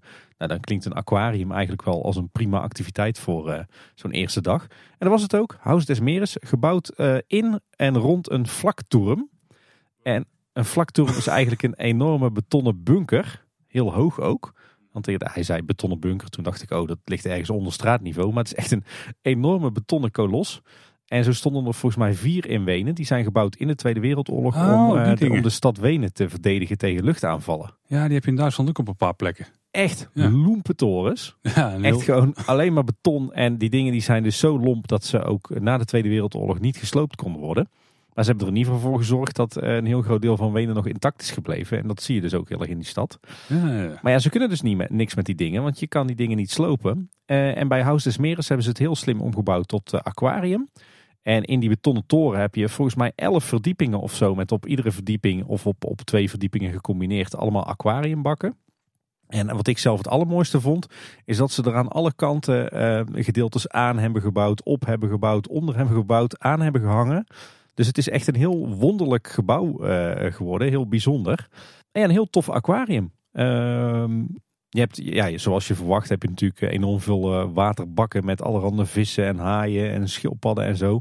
Eh, maar ze hebben ook heel veel vogelgedeeltes, eh, gedeeltes met aapjes. Ehm, eh, ze hebben er jungles nagebootst. De Outback in Australië. Je hebt er nou, hebben echt een, een hele brede collectie. Ik moet zeggen, de, de, het, echt, de, betonnen kern is, is niet heel fraai of zo. Eh, maar zeker die gedeeltes die ze er later aan hebben geplakt, die zijn echt wel, eh, wel heel mooi. En het is gewoon een uniek gebouw. Eh, je loopt je helemaal kapot, want je, moet natuurlijk al die verdiepingen eh, omhoog. Maar eh, het is eh, zeker een bezoekje waard als je wat hebt met, met aquaria. Echt een, een heel bijzonder gebouw. Dus we hebben ons daar ja, zo goed als de hele dag weten te vermaken. Komt denk ik wel hoog op mijn, mijn ranglijst met aquaria. Een beetje jammer alleen. eh, op een gegeven moment was, eh, was de jongste die was er echt klaar mee. Dus toen ben ik naar buiten gegaan. eh, en toen hebben we samen even een uurtje in de speeltuin gespeeld die ernaast lag. En toen bleek ik net de verdieping gemist te hebben waar de tentoonstelling was over de vlaktoerum zelf. En dat was natuurlijk wel het, het meest interessante misschien. Maar nee, heel tof. Ook een aantal moderne tentoonstellingen die een beetje ja, je, je, je, die je meer bewust maken van bijvoorbeeld eh, het milieu en de plastic soep en dergelijke. Dus eh, gewoon een heel erg gevarieerd gebouw en je kan je daar prima vermaken. Ik moet zeggen, ik vind het altijd wel leuk als je dan in het buitenland bent, in zo'n grote stad, om ja, dan toch ook even in de speeltuin te zitten hè, met alle lokale moeders. en nou, de kinderen konden even uitrazen en uiteindelijk zijn we teruggegaan naar ons appartement. Gauw even boodschappen gedaan voor de eerste avond en de volgende ochtend. En even wat, eh, wat eten gehaald eh, bij de supermarkt. Dus uh, nou, dat was prima eerste dag. En daarna hebben we echt heerlijk geslapen. Want ja, we waren nog gesloopt van de nachttrein. En dan zo'n dag in een aquarium, dat hakt er wel in. De volgende dag op zondag was de eerste regenachtige dag. Plenste er flink uit. Maar we besloten, nou weet je wat. laten we dan een soort van binnenactiviteit gaan doen. Toen zijn we naar Schloss Schönbrunn geweest. Waarschijnlijk wel bekend voor de meeste luisteraars natuurlijk het enorme uh, paleis, eigenlijk het, zomerverblijf van de keizerlijke familie van uh, Oostenrijk. Die tot het uh, einde van de Eerste Wereldoorlog eigenlijk regeerde over het, het Oostenrijkse Rijk. Um, ja, echt een enorm kasteel. Als je Paleis het Loo kent, nou het is een beetje Paleis het Loo, maar dan keer 15. Oh. denk ik wel de absoluut meest populaire toeristische attractie in heel Wenen. Het ligt eigenlijk net buiten het stadscentrum, dus we zijn er met, uh, met de metro naartoe gegaan. En uh, ja, we hebben ons daar uh, een hele dag bijzonder goed vermaakt. S ochtends het paleis zelf bezocht. Het was trouwens enorm druk met toeristen van over de hele wereld. nou, we hadden natuurlijk de kleine meiden bij, dus we vroegen ons af van in hoeverre is nou zo'n rondwandeling door zo'n paleis, is dat nou interessant voor kinderen? Maar ja, dat, die vonden dat fantastisch. Want ja, het paleis is natuurlijk een en al grandeur, kristallen kroonluchters, bladgoud, marmeren vloeren, grote danszalen, slaapkamers met hemelbedden. Ja, je kan je er waarschijnlijk wel een, eh, een voorstelling bij maken. Echt een kasteel uit eh, de Disney films, hebben bij wijze van spreken. Dus uh, nee, die rondwandeling was eigenlijk hartstikke leuk. Niet de audiotour gedaan, maar gewoon uh, een ouderwets foldertje gepakt. Zodat je in iedere ruimte een beetje kon vertellen wat daar vroeger gebeurde. En uh, dat was heel tof om te doen, die rondwandeling. Toen zijn we daarna de tuinen ingedoken van Schönbrunn. die zijn trouwens ook echt bizar groot. Ook weer 15 keer de tuinen van bij Paleis het Loo. Uh, daar is van alles te zien. Meest is gratis toegankelijk. Allerhande fonteinen en uitzichtpunten en uh, rozentuinen. En nou, je kan je zo gek niet bedenken of uh, ze hebben dat in de paleistuinen. Er ligt trouwens ook een enorme dierentuin in. Er werd ons gezegd door een aantal mensen, dat kan je leuk combineren, dat paleis en die dierentuin. Maar uiteindelijk hadden we voor het paleis en de tuin zelf een dag nodig. En voor de dierentuin hadden we zelfs twee uh, dagen nodig. Maar uh, even lekker door die tuin gestruind. Uh, daar ook heerlijk geluncht in een soort ja, paviljoen. Waar echt nog een beetje zo die jaren 50 vibe hing. toen heb ik voor het eerst de keizerschmarren op. Dat was ik vergeten in het lijstje met typisch Oostenrijkse gerechten. Maar dat is eigenlijk een soort ja, hele dikke pannenkoek die ze in kleine stukken hebben gesneden. Met rozijnen en kaneel er doorheen gemengd. En dat eet je dan als uh, lunch. Buitengewoon lekker. Een soort filmcake-achtig ding? Nee, er zit geen rozijnen bij per se. Okay. Ja, een beetje pannenkoekachtig gerecht. Zou ook niet uh, misstaan bijvoorbeeld bij, uh, bij Polles Keuken of zo. Maar heerlijk gegeten, superleuk tentje. En daarna nog wat door de tuinen gestruind, wat fonteintjes bezocht en zo. Eigenlijk veel te weinig tijd om die tuinen te ontdekken. maar smiddags hadden we kaartjes voor het kindermuseum van Schloss Schönbrunn. En wat is dat nou? Ze hebben dus in het, uh, het enorme paleis hebben ze een uh, Kinderen tentoongesteld. nee, ja, die zou wij dan denken van wel hè. Maar ze hebben daar eigenlijk een uh, vleugel van de hoofdroute afgescheiden. En daar hebben ze ja, een soort kasteel speciaal voor kinderen ingericht. En je hebt daar dus een, een rondwandeling door een aantal ja, kamers van het paleis. Maar in die kamers hebben ze telkens ja, wat, wat dingen zijn er te doen. Eh, de, de, de, de, kinderkamers van de prinsesjes zijn er ingericht. Je hebt een ruimte waarin je met blokken het, het kasteel kan nabouwen. Een ruimte waarin je uh, de pruiken kan, kan kammen en, en vlechtjes kan maken en zo. Weet je, als bij eigenlijk het, het leven in het kasteel hebben ze gewoon heel erg aansprekend voor kinderen ja, in een soort kindermuseum gegoten. Ja, en de attractie was natuurlijk dat na de entree kwam je eerst in een enorme ruimte waar iedereen zich mocht verkleden. Hè? Dus eh, de kinderen mochten allemaal uh, prinsessenjurken aan. En uh, sommige ouders die deden ook vrolijk mee. Dus er circuleren volgens mij ook wat foto's van mij in een soort lakaien outfit. Dat verklaart die foto. ja, ja, precies. Dus nee, dat was, was hartstikke leuk. Eigenlijk een superleuke dag. Zo om s ochtends het, de, de volwassen rondwandeling te doen. Dan even een rondje door de tuin. En daar even lekker lunchen in een paviljoen. En dan in de namiddag nog het, het kindermuseum. Ja, dat was eigenlijk ja, een uh, buitengewoon grondige en toffe kennismaking met uh, Schönbrunn. En uh, ook natuurlijk de keizerlijke familie. Met als hoogtepunt natuurlijk keizerin Sissi. Hè? Uiteraard. Nou, s'avonds nog eventjes uh, de metro gepakt naar de andere kant van de stad. En uh, de eerste keer in het Hard Rock Café uh, gegeten. Wat natuurlijk ook altijd een belevenis is. Nou, toen maandag was eigenlijk de, de, de tweede regenachtige dag. Nou viel het ons de dag ervoor eigenlijk allemaal wel mee. Zeker als je erop gekleed bent, dan, ja, dan heb je er eigenlijk geen last van. Dus we besloten toch maar een eerste stadswandeling te doen. Want ja, je wilt Wenen natuurlijk ook wel een beetje, een beetje leren kennen. Dus uh, het boekje Time to Momo uh, erbij gepakt van Wenen. Uh, en zelf even een beetje geïmproviseerd. Even wat wandelingen aan elkaar geknoopt. En wat, wat bepaalde afslagen eruit geknipt en zo. Je weet hoe dat gaat. Hadden we trouwens wel ruim van tevoren gedaan hoor. En eigenlijk een hele mooie route gelopen. Begonnen bij de Stefansdom. de, de grote kerk midden in het hartje van Wenen. Uh, nou, omdat het zo regende zijn we ook naar binnen geweest. Maar ik merk dat op de een of andere manier, zonder dat we er echt op moeten aandringen, dat de kids het heel leuk vinden om een grote kerk binnen te gaan op vakantie. ja, nou dat ken ik wel. Maar waar dat dan vandaan komt, geen idee. Maar dat vinden ze super leuk of zo. Nou ja, daar zeg ik natuurlijk ook geen nee tegen, al is het maar vanuit uh, uit het oogpunt van de architectuur. Dus daar nog even rondgekeken binnen, kaarsjes opgestoken. En daarna verder met, uh, met de rondwandeling. Ja, door wat van die, van die echte ouderwetse luxe winkelstraten, weet je wel. En uh, een ander hoogtepunt was uh, de uh, Burggarten. een van de paleistuinen in Hartje, Wenen. En daar hadden we toch wel twee hele leuke plekjes gevonden. We hebben eerst geluncht in het Palmenhaus. En dat is eigenlijk een soort tropische kas van, ja, wat zal het zijn, 100, 150 jaar oud. Dus je kent dat wel ook helemaal aan de buitenkant in die barokstijl opgetrokken met natuursteen. En dan met, met smeedijzer echt zo'n zo'n ja, zo'n ouderwetse kas gemaakt, weet je wel. Oh ja, ik heb de foto gezien. Echt een vet ding. Ja, ja, en binnen staan echt allemaal palmen en tropische planten. En in die kas hebben ze dus gewoon een, een bediend restaurant gemaakt. En daar hebben we echt heerlijk geluncht. Zelf ook aan de Sachertochten gegaan, want ja, dat uh, hoort natuurlijk ook bij, uh, bij Wenen. Um, en daarnaast ligt het Schmetterlinghaus. Oeh.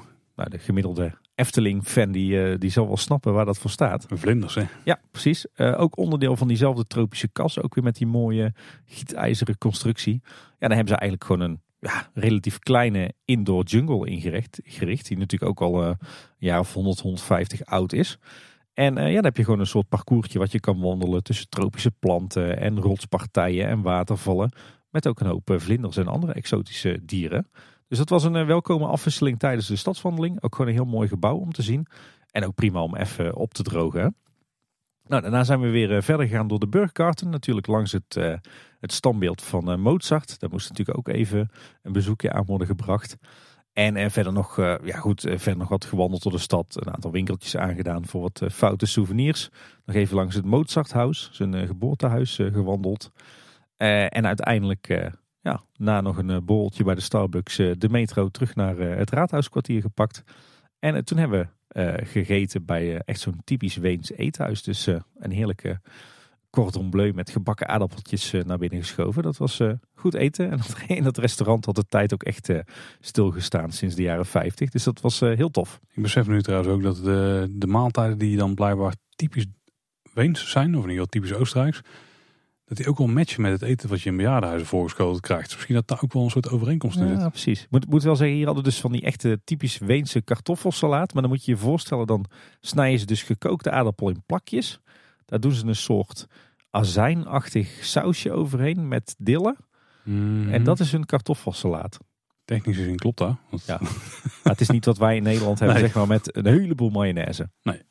Dan eh, de dinsdag, de derde en laatste eh, regendag, zijn we voor het eerst naar de, de dierentuin geweest in Schönbrunn. Ligt dus in de paleistuin. Ehm, die ligt daar omdat die van oorsprong ook echt alleen voor de keizerlijke familie was. Dat was hun privé dierentuin. En wat is nou zo bijzonder aan Tiergarten Schönbrunn? Jij weet het misschien al wel, Paul. Panda's? Nee, dat is Ja, ook, bijzonder. die hebben ze ook. Oh, ook? Was het bijzonder? Nee, ik heb geen idee. De alleroudste dierentuin ter wereld.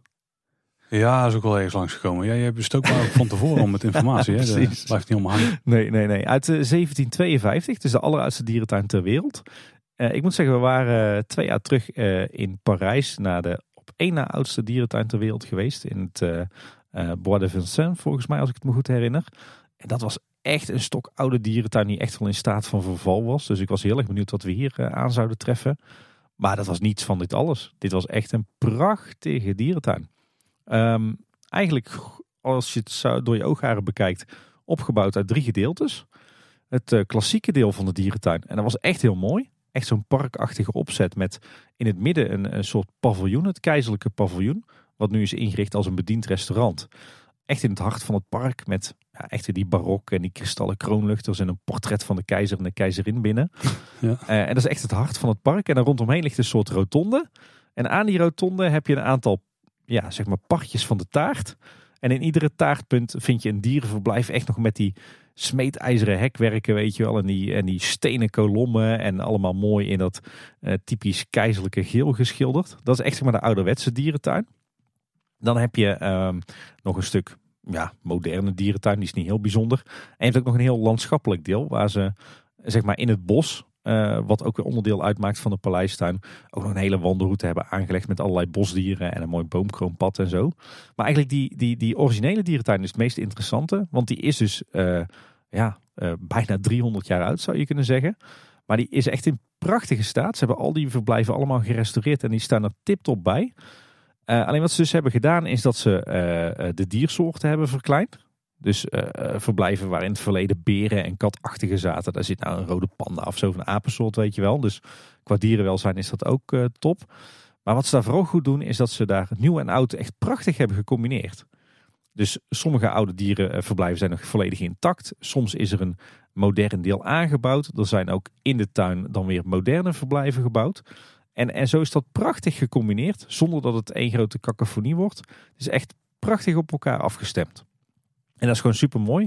Echt een beetje dat, uh, dat, dat gevoel wat je tegenwoordig op sommige plekken ook in, in Blijdorp wel hebt. Dus het is gewoon heel smaakvol gedaan.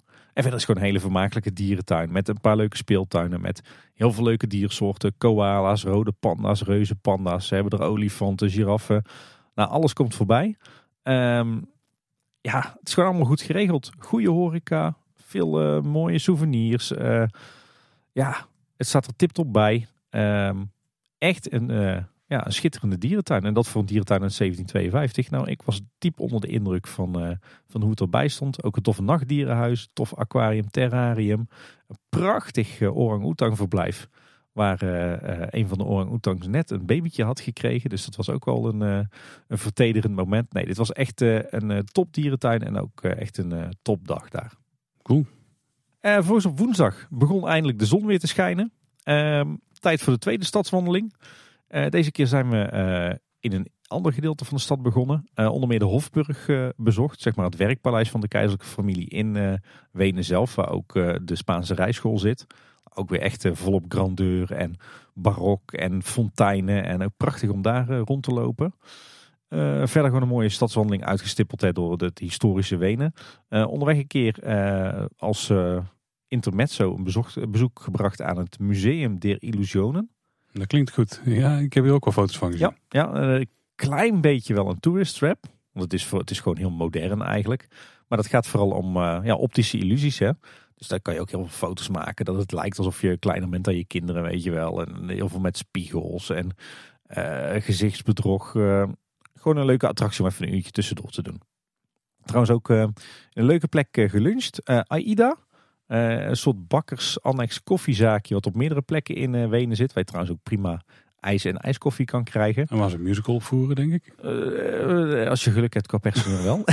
maar het leuke is dat, dat daar dus ook echt bewust de tijd heeft stilgestaan. Want al die zaakjes die zijn echt helemaal in de sfeer van de jaren 50. Dus met neonletters, met bediendes in, uh, in rokjes. Uh, met heerlijke chocoladetaartjes, met prachtige koffietjes. Ja, echt hele toffe zaakjes zijn dat. Na de lunch weer verder met de stadswandeling. Onder meer nog langs het Ankeroer gegaan. Wat echt een prachtig uh, uurwerk is in Jugendstil. Ook echt lust voor het oog. En uiteindelijk terechtgekomen aan de noordkant van het centrum aan het Donaukanaal. Even voor de afwisseling, even lekker langs het water gewandeld. En dan zie je ook net even wat, wat rauwer Wenen, moet ik wel zeggen. en uiteindelijk zijn we terechtgekomen op een stadstrand bij strandbar Herman. En hebben we gewoon even lekker nog een, een uurtje aan het water gezeten. De kinderen wat met zand laten spelen. Zelf uh, even een, uh, ons laten verrassen met een lekker cocktailtje. Oh, we mist de kans, Tim. Je had moeten zeggen. En toen hebben we daar lekker in de zon op het terras gezeten. Als het kwartje niet valt, dan gaan we weer afblijven. Hij valt niet. Die mag je me na de opname uitleggen, Paul. Agda en de Munnik. Helemaal in de zon op het terras. Oh, die had ik moeten weten, scherp. Ja. Dus dat was wel even lekker aan, eh, na, na zo'n eh, toch lange en intensieve stadswandeling.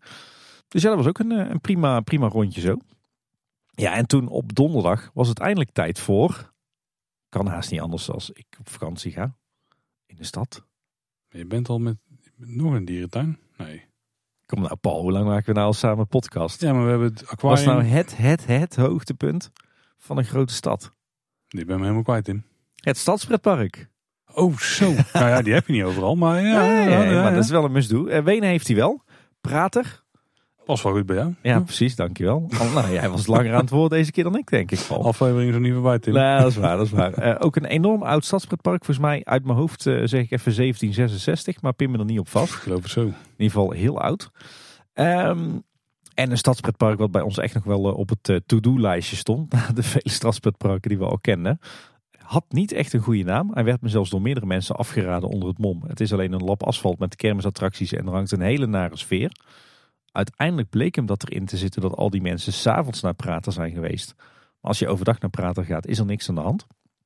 Maar eh, ja, eigenlijk een heel oud stadspretpark. Echt aan de, ja, net buiten het stadscentrum. En daar hebben we eigenlijk best een leuke dag gehad. En ik moet zeggen, ik heb een beetje dubbele gevoelens bij Prater. Aan de ene kant is het inderdaad een lap asfalt met kermisattracties. Dat is wel de basis. Maar de sfeer was overdag prima. En als je goed oplet, dan staan er stiekem heel veel juweeltjes. Nou, wat hebben we onder andere gedaan daar waar we wel van onder de indruk waren? Je hebt daar eh, echt zo'n heel oud klassiek reuzenrad.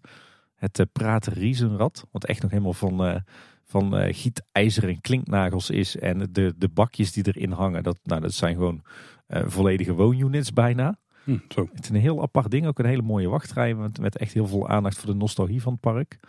We hebben er twee dark rides gehad van allebei ruim 70 jaar oud. Eentje die ook echt werkte met een treintje wat gewoon echt eh, zichzelf voorttrok op, eh, nou ik weet niet wat erin ging, rode diesel denk ik. Oké.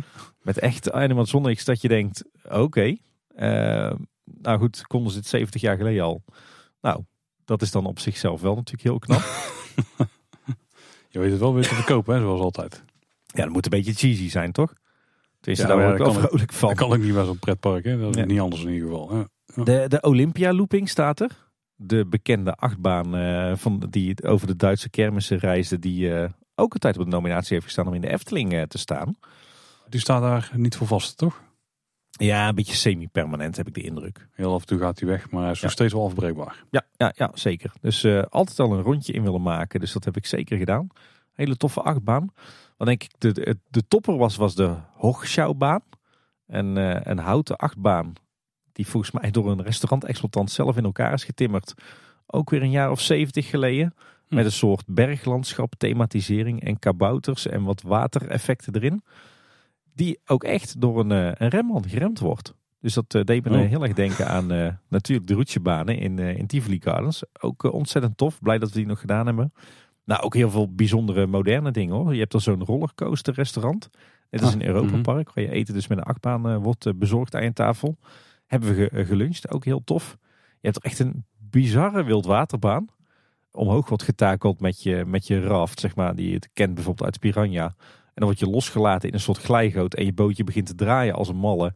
Nou, je staat echt doodsangsten uit. Maar dat is een soort badkuip of zo, toch? Zo'n Ja. badkuipbaan. eh, Ja, zeg ja, maar. ja, ja, ja. Nou, echt bizar hoe snel dat het gaat. En er ook nog een aantal meer, eh, een paar leuke achtbaantjes en zo. Eh, Een interactieve dark ride die echt mm, behoorlijk bizar is. Dus ja, echt, ja, je zou kunnen zeggen het is een lap asfalt met een hoop attracties. Maar er zitten wel een aantal juweeltjes tussen. En ja, daar hebben we ons eigenlijk de hele dag meer dan prima weten te vermaken. Hm.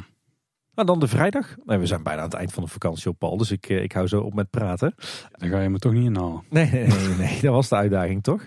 Toen zijn we eh, ook weer naar een eh, ja, soort vaste must-do geweest op onze stedenreizen. Namelijk naar het Natuurhistorisches Museum van Wien. Oftewel, het Natuurhistorisch Museum.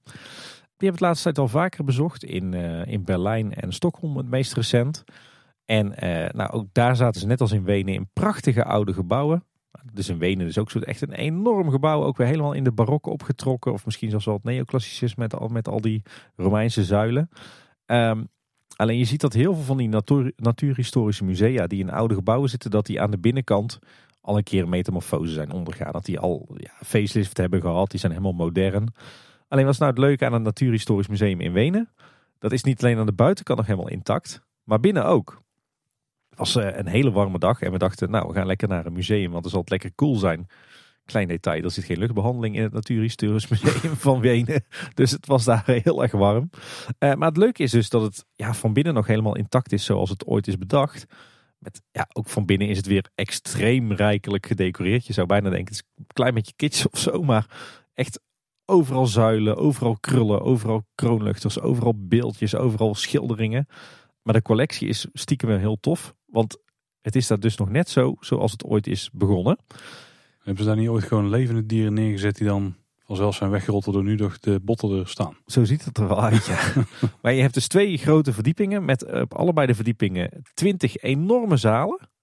En die zalen die zijn dus ja, echt naar thema ingericht. Dus je begint de wandeling en de eerste vier zalen zijn vier zalen met alleen maar oude houten vitrinekasten met allerlei soorten stenen en mineralen van over de hele wereld.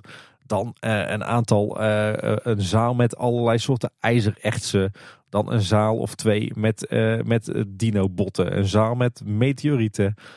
En dan moet je je echt enorme balzalen voorstellen. Die dan ook weer helemaal gedecoreerd zijn met beeldhouwwerk. Wat dan ook weer een knipoog is naar hetgeen wat in die zaal wordt tentoongesteld. er zijn allerlei landschappen van over de hele wereld op de wanden geschilderd. Zoals die natuurlijk in de 19e eeuw werden bekeken. Dus eigenlijk is het het, de collectie is nog niet eens zo spannend. Hè? Dat ken je wel uit andere natuurhistorische musea. Maar de, de, het museum zelf is gewoon op zichzelf een museum. Omdat het gewoon, ja, dat is hoe men toen dat museum werd gebouwd, hoe men dat beleefde. Maar was de reden dat het museum er staat? Dat ook een link met het, koninghuis, met het koningshuis daar of zo? Ja, ja dat was, het is wel gebouwd uh, op, uh, op bevel eigenlijk van een van de eerste keizers. Die ja, op die manier lieten ze natuurlijk zien uh, wat de grandeur was van het Oostenrijkse Rijk. Hè, en het niveau van de wetenschap en het niveau van het ontdekken. En dat zie je daar echt in terug. En het is, het is gewoon echt megalomaan groot. Want op de uh, eerste verdieping heb je nog eens twintig zalen. En dan moet je dus voorstellen, dat zijn echt twintig zalen met opgezette dieren. En tegenwoordig in ieder natuurhistorisch museum hebben ze in één zaal nog een beetje de highlights neergezet.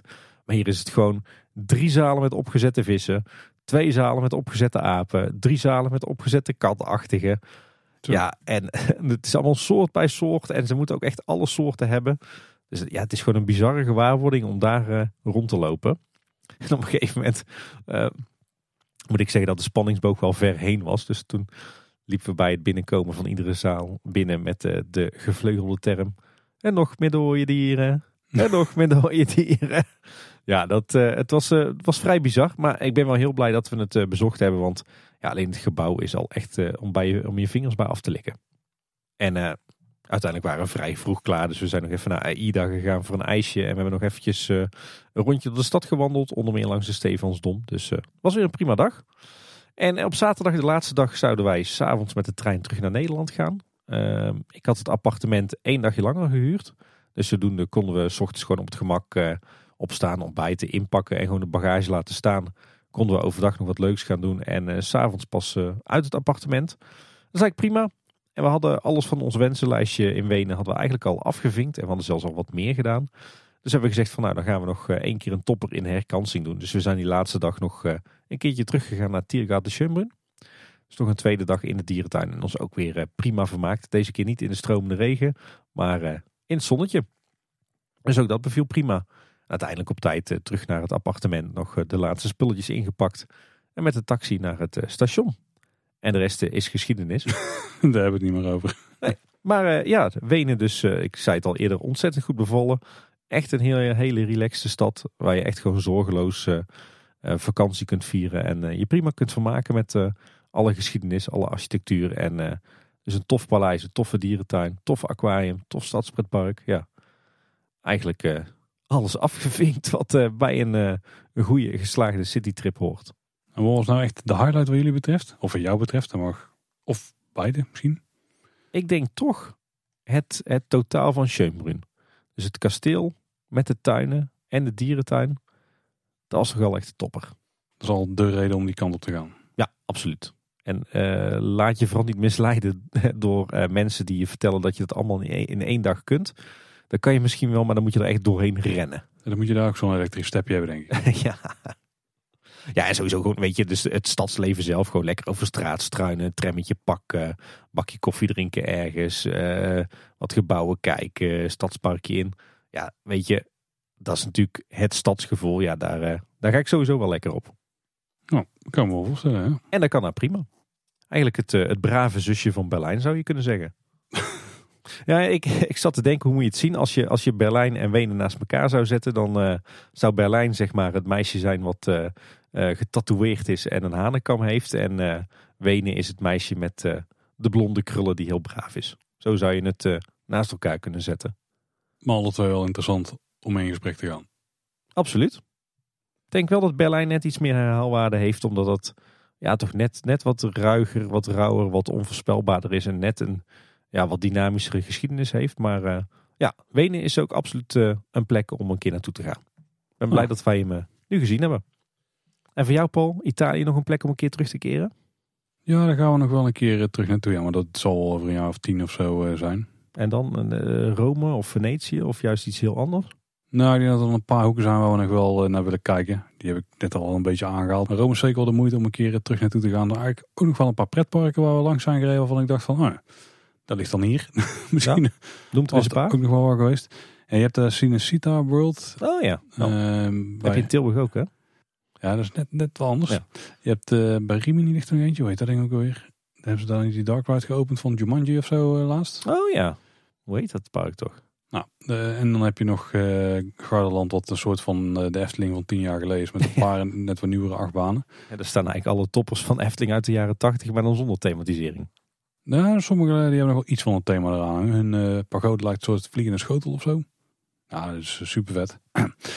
ja, er zijn nog wel een paar hoekjes die we niet echt hebben gezien. Ik zou dus Toscane nog wel iets meer van willen zien, denk ik. Ja. Dus nog wel een reden om mooi terug te gaan. En het was gewoon verder als vakantie goed bevallen. Dus eh, Italië is wel eh, een toppertje wat ons betreft om op vakantie te gaan. Hebben jullie al eh, plannen voor eh, toekomstige vakanties, Tim? Ja, ja, dit jaar niet meer hoor. Tijd en geld zijn op. Maar eh, ja, nee, voor volgend jaar hebben we ook nog wel wat dingen op het verlanglijstje. Londen staat heel hoog. Daar zijn Anne en ik ooit een keer in, volgens mij in de kerstvakantie een week geweest. Dat was toen echt ontzettend tof. Ook wel lang geleden. En Londen verdient nog wel echt een, een herkansing. Want we hebben toen lang niet alles gezien wat we wilden zien. Was natuurlijk ook midden in de winter met sneeuw en kou en regen en weet ik het allemaal. Dus daar willen we zeker nog eens naartoe. Dan zeker ook in combinatie met de, de Harry Potter studios natuurlijk. Mhm, Want eh, mhm. vier Harry Potter fans thuis. Dus dat zit er denk ik eh, volgend jaar wel aan te komen.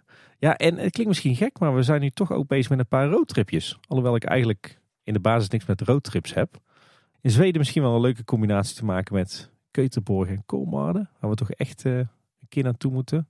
Eh, ja, Normandië, Bretagne trekt ook. En we hebben ook wel een zwak voor de, de Kanaaleilanden. Tussen Frankrijk en eh, Groot-Brittannië. Maar dat is allemaal nog vaag. Ik denk dat we ons eerst eens gaan eh, focussen op Londen. En ja, dan gaan we toch met de trein, denk ik. Maar dan wel Ja. overdag. Ja, ja, ja. Het is qua afstand, dus qua reistijd, toch wel een stuk beperkter. Ja, en dat durf ik dan wel aan hoor. Gewoon overdag met de trein. Ja.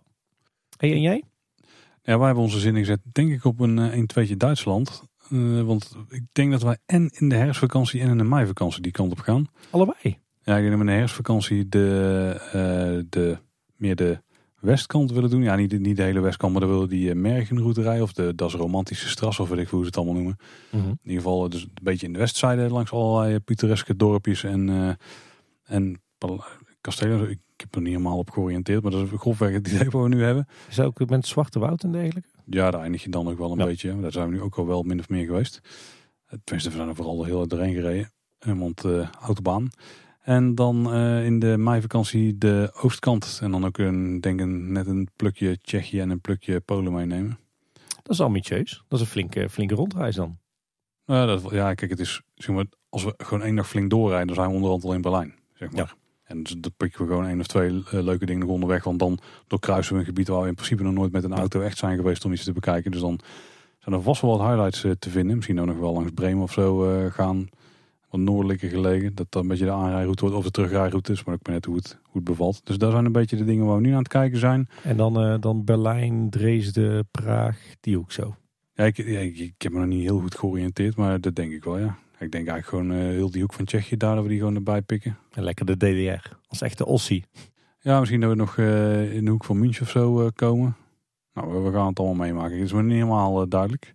Eerst eens even naar de westkant kijken, want dat is voor een week is dat wel te doen. Of tenminste een dag of acht, negen. Um, om dan nog uh, naar huis te komen. En dan kunnen we ook weer daar gebruik maken van onze Efteling uh, abonnementkorting op parken daar in die hoek. Welke heb je op het oog? Ja, dan zouden we dus naar um, Tripsdrill wel kunnen gaan. Holiday Park krijgen we korting, maar ook nog uh, Heidepark volgens mij is het ook uh, oh. gratis. Dus bijna wel, een pretparkreis. zijn wel wat opties. Ja, dan moet ik heel erg uh, tactisch aanpakken thuis, want anders dan krijg ik het er iedereen. En dan je hebt de... natuurlijk een pretparkquotum op je reizen. Ja, er, is wel, er zit wel een soort beperking op. Die hebben we afgelopen vakantie niet gehaald, denk ik. Ja, we zijn wel in één pretpark geweest. Ja, als heel braaf. Dan heb je krediet opgebouwd voor de volgende keer. Ja, dat zal het zijn, maar dan is minder tijd. Dus nou, we, we zullen zien. En um, dan de zomervakantie daarna, ja, dan lijkt toch weer naar Scandinavië te gaan. Oh, toch wel. En nu hebben we een heel ambitieus plan. Vertel. En dat is met de boot vanuit Nederland naar Noorwegen. Want dat kan tegenwoordig. En naar Bergen? Nee, die komt zuidelijker uh, aan. Ja. Bergen zijn we dus al geweest uh, drie jaar geleden. Ja, dat is waar. En, maar we hebben de, de hele onderste punt hebben we nog niet gehad van uh, Noorwegen. En dan, dan gaan we die wel verkennen. Dan rijden we via Zweden en Denemarken terug. Ga je langs Malmö?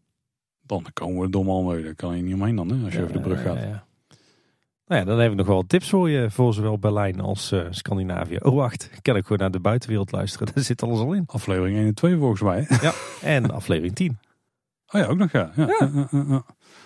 Maar de terugweg is ook helemaal niet zo duidelijk. Misschien wordt het wel een boot uh, naar het noorden van Denemarken in plaats van de brug. En dan rijden we vanaf daar terug. Kunnen we weer Varop Sommerland doen. Met ons Efteling abonnement. Wederom. Dat is eigenlijk best een goed idee. Ik denk dat we dat doen. Jij loopt over van de vakantieplannen, Paul. Kunnen we ook Göteborg doen? Is dat dan zinnig? Niet echt. Dat is wel uit de richting. Oh, Göteborg is zo leuk. Moet wel wat in te passen zijn, denk ik. Ik heb, voor, ik, heb, ik heb voor twee weken aan tips voor je voor Göteborg. Dus misschien komen wij elkaar daar dan wat nog wel tegen. Ergens onderweg, Paul, zit ik me net te bedenken. Ja, zo'n vakantie gaat er naar het noorden bij jullie? Ja, dat is misschien die roadtrip Cool, maar de oh, ja, natuurlijk. Ja. Hm, dat zou we kunnen. Kunnen we mieten? Gezellig, we zien elkaar anders nooit. dat klopt. Nou, dat was in ieder geval weer voor deze aflevering van de buitenwereld. Als wij weer uh, toekomstige uh, vakanties gaan ondernemen, Tim, dan zal er vast weer een nieuwe aflevering komen. Maar u weet komt er ook een aflevering tussendoor over elektrische auto's, hoor ik. Ja, en, en ik zat laatst te denken, misschien als, als onze luisteraars vragen hebben over reizen of campers of reizen met kinderen of steden of landen. Misschien moeten we gewoon eens een keer een aflevering van de buitenwereld maken. Wel een thema van reizen, maar met vragen van onze luisteraars. Helemaal prima, laat ze maar komen. Als je vragen hebt, ja, dan moet je die natuurlijk bij ons krijgen. Makkelijkst is wel om te doen via alle routes die Kleine Boodschap daarvoor beschikbaar heeft. Uh, bijvoorbeeld uh, als je naar onze website gaat, kleineboodschap.com, is ook de plek waar je alle uh, afleveringen van de buitenwereld vindt. Maar er zit een contactformuliertje ook op. En je kunt ook gebruik maken van het e-mailadres daar, info.kleineboodschap.com. En als je dan naar kleineboodschap.com slash volgen gaat, vind je weer alle social media kanalen waar wij te vinden zijn. En je luistert zowel Kleine Boodschap als de buitenwereld in je favoriete podcast app. Zorg dus dat je je uh, abonneert op beide podcasts. Uh, geldt ook voor Spotify en je vindt beide podcasts ook op de website. En uh, ja, ik denk dat de meeste van onze luisteraars ook naar Kleine Boodschap luisteren. Maar ken je nou iemand die Kleine Boodschap luistert, maar nog niet naar de buitenwereld? Dan kun je het ook zeer waarderen als je hen ook eens wijst op onze andere podcast. Absoluut. Dat was in ieder geval weer voor deze aflevering van de buitenwereld. Bedankt voor het luisteren. Tot de volgende keer. En houdoe. Grüß Gott. Oeh, ik moet ciao zeggen. Ciao.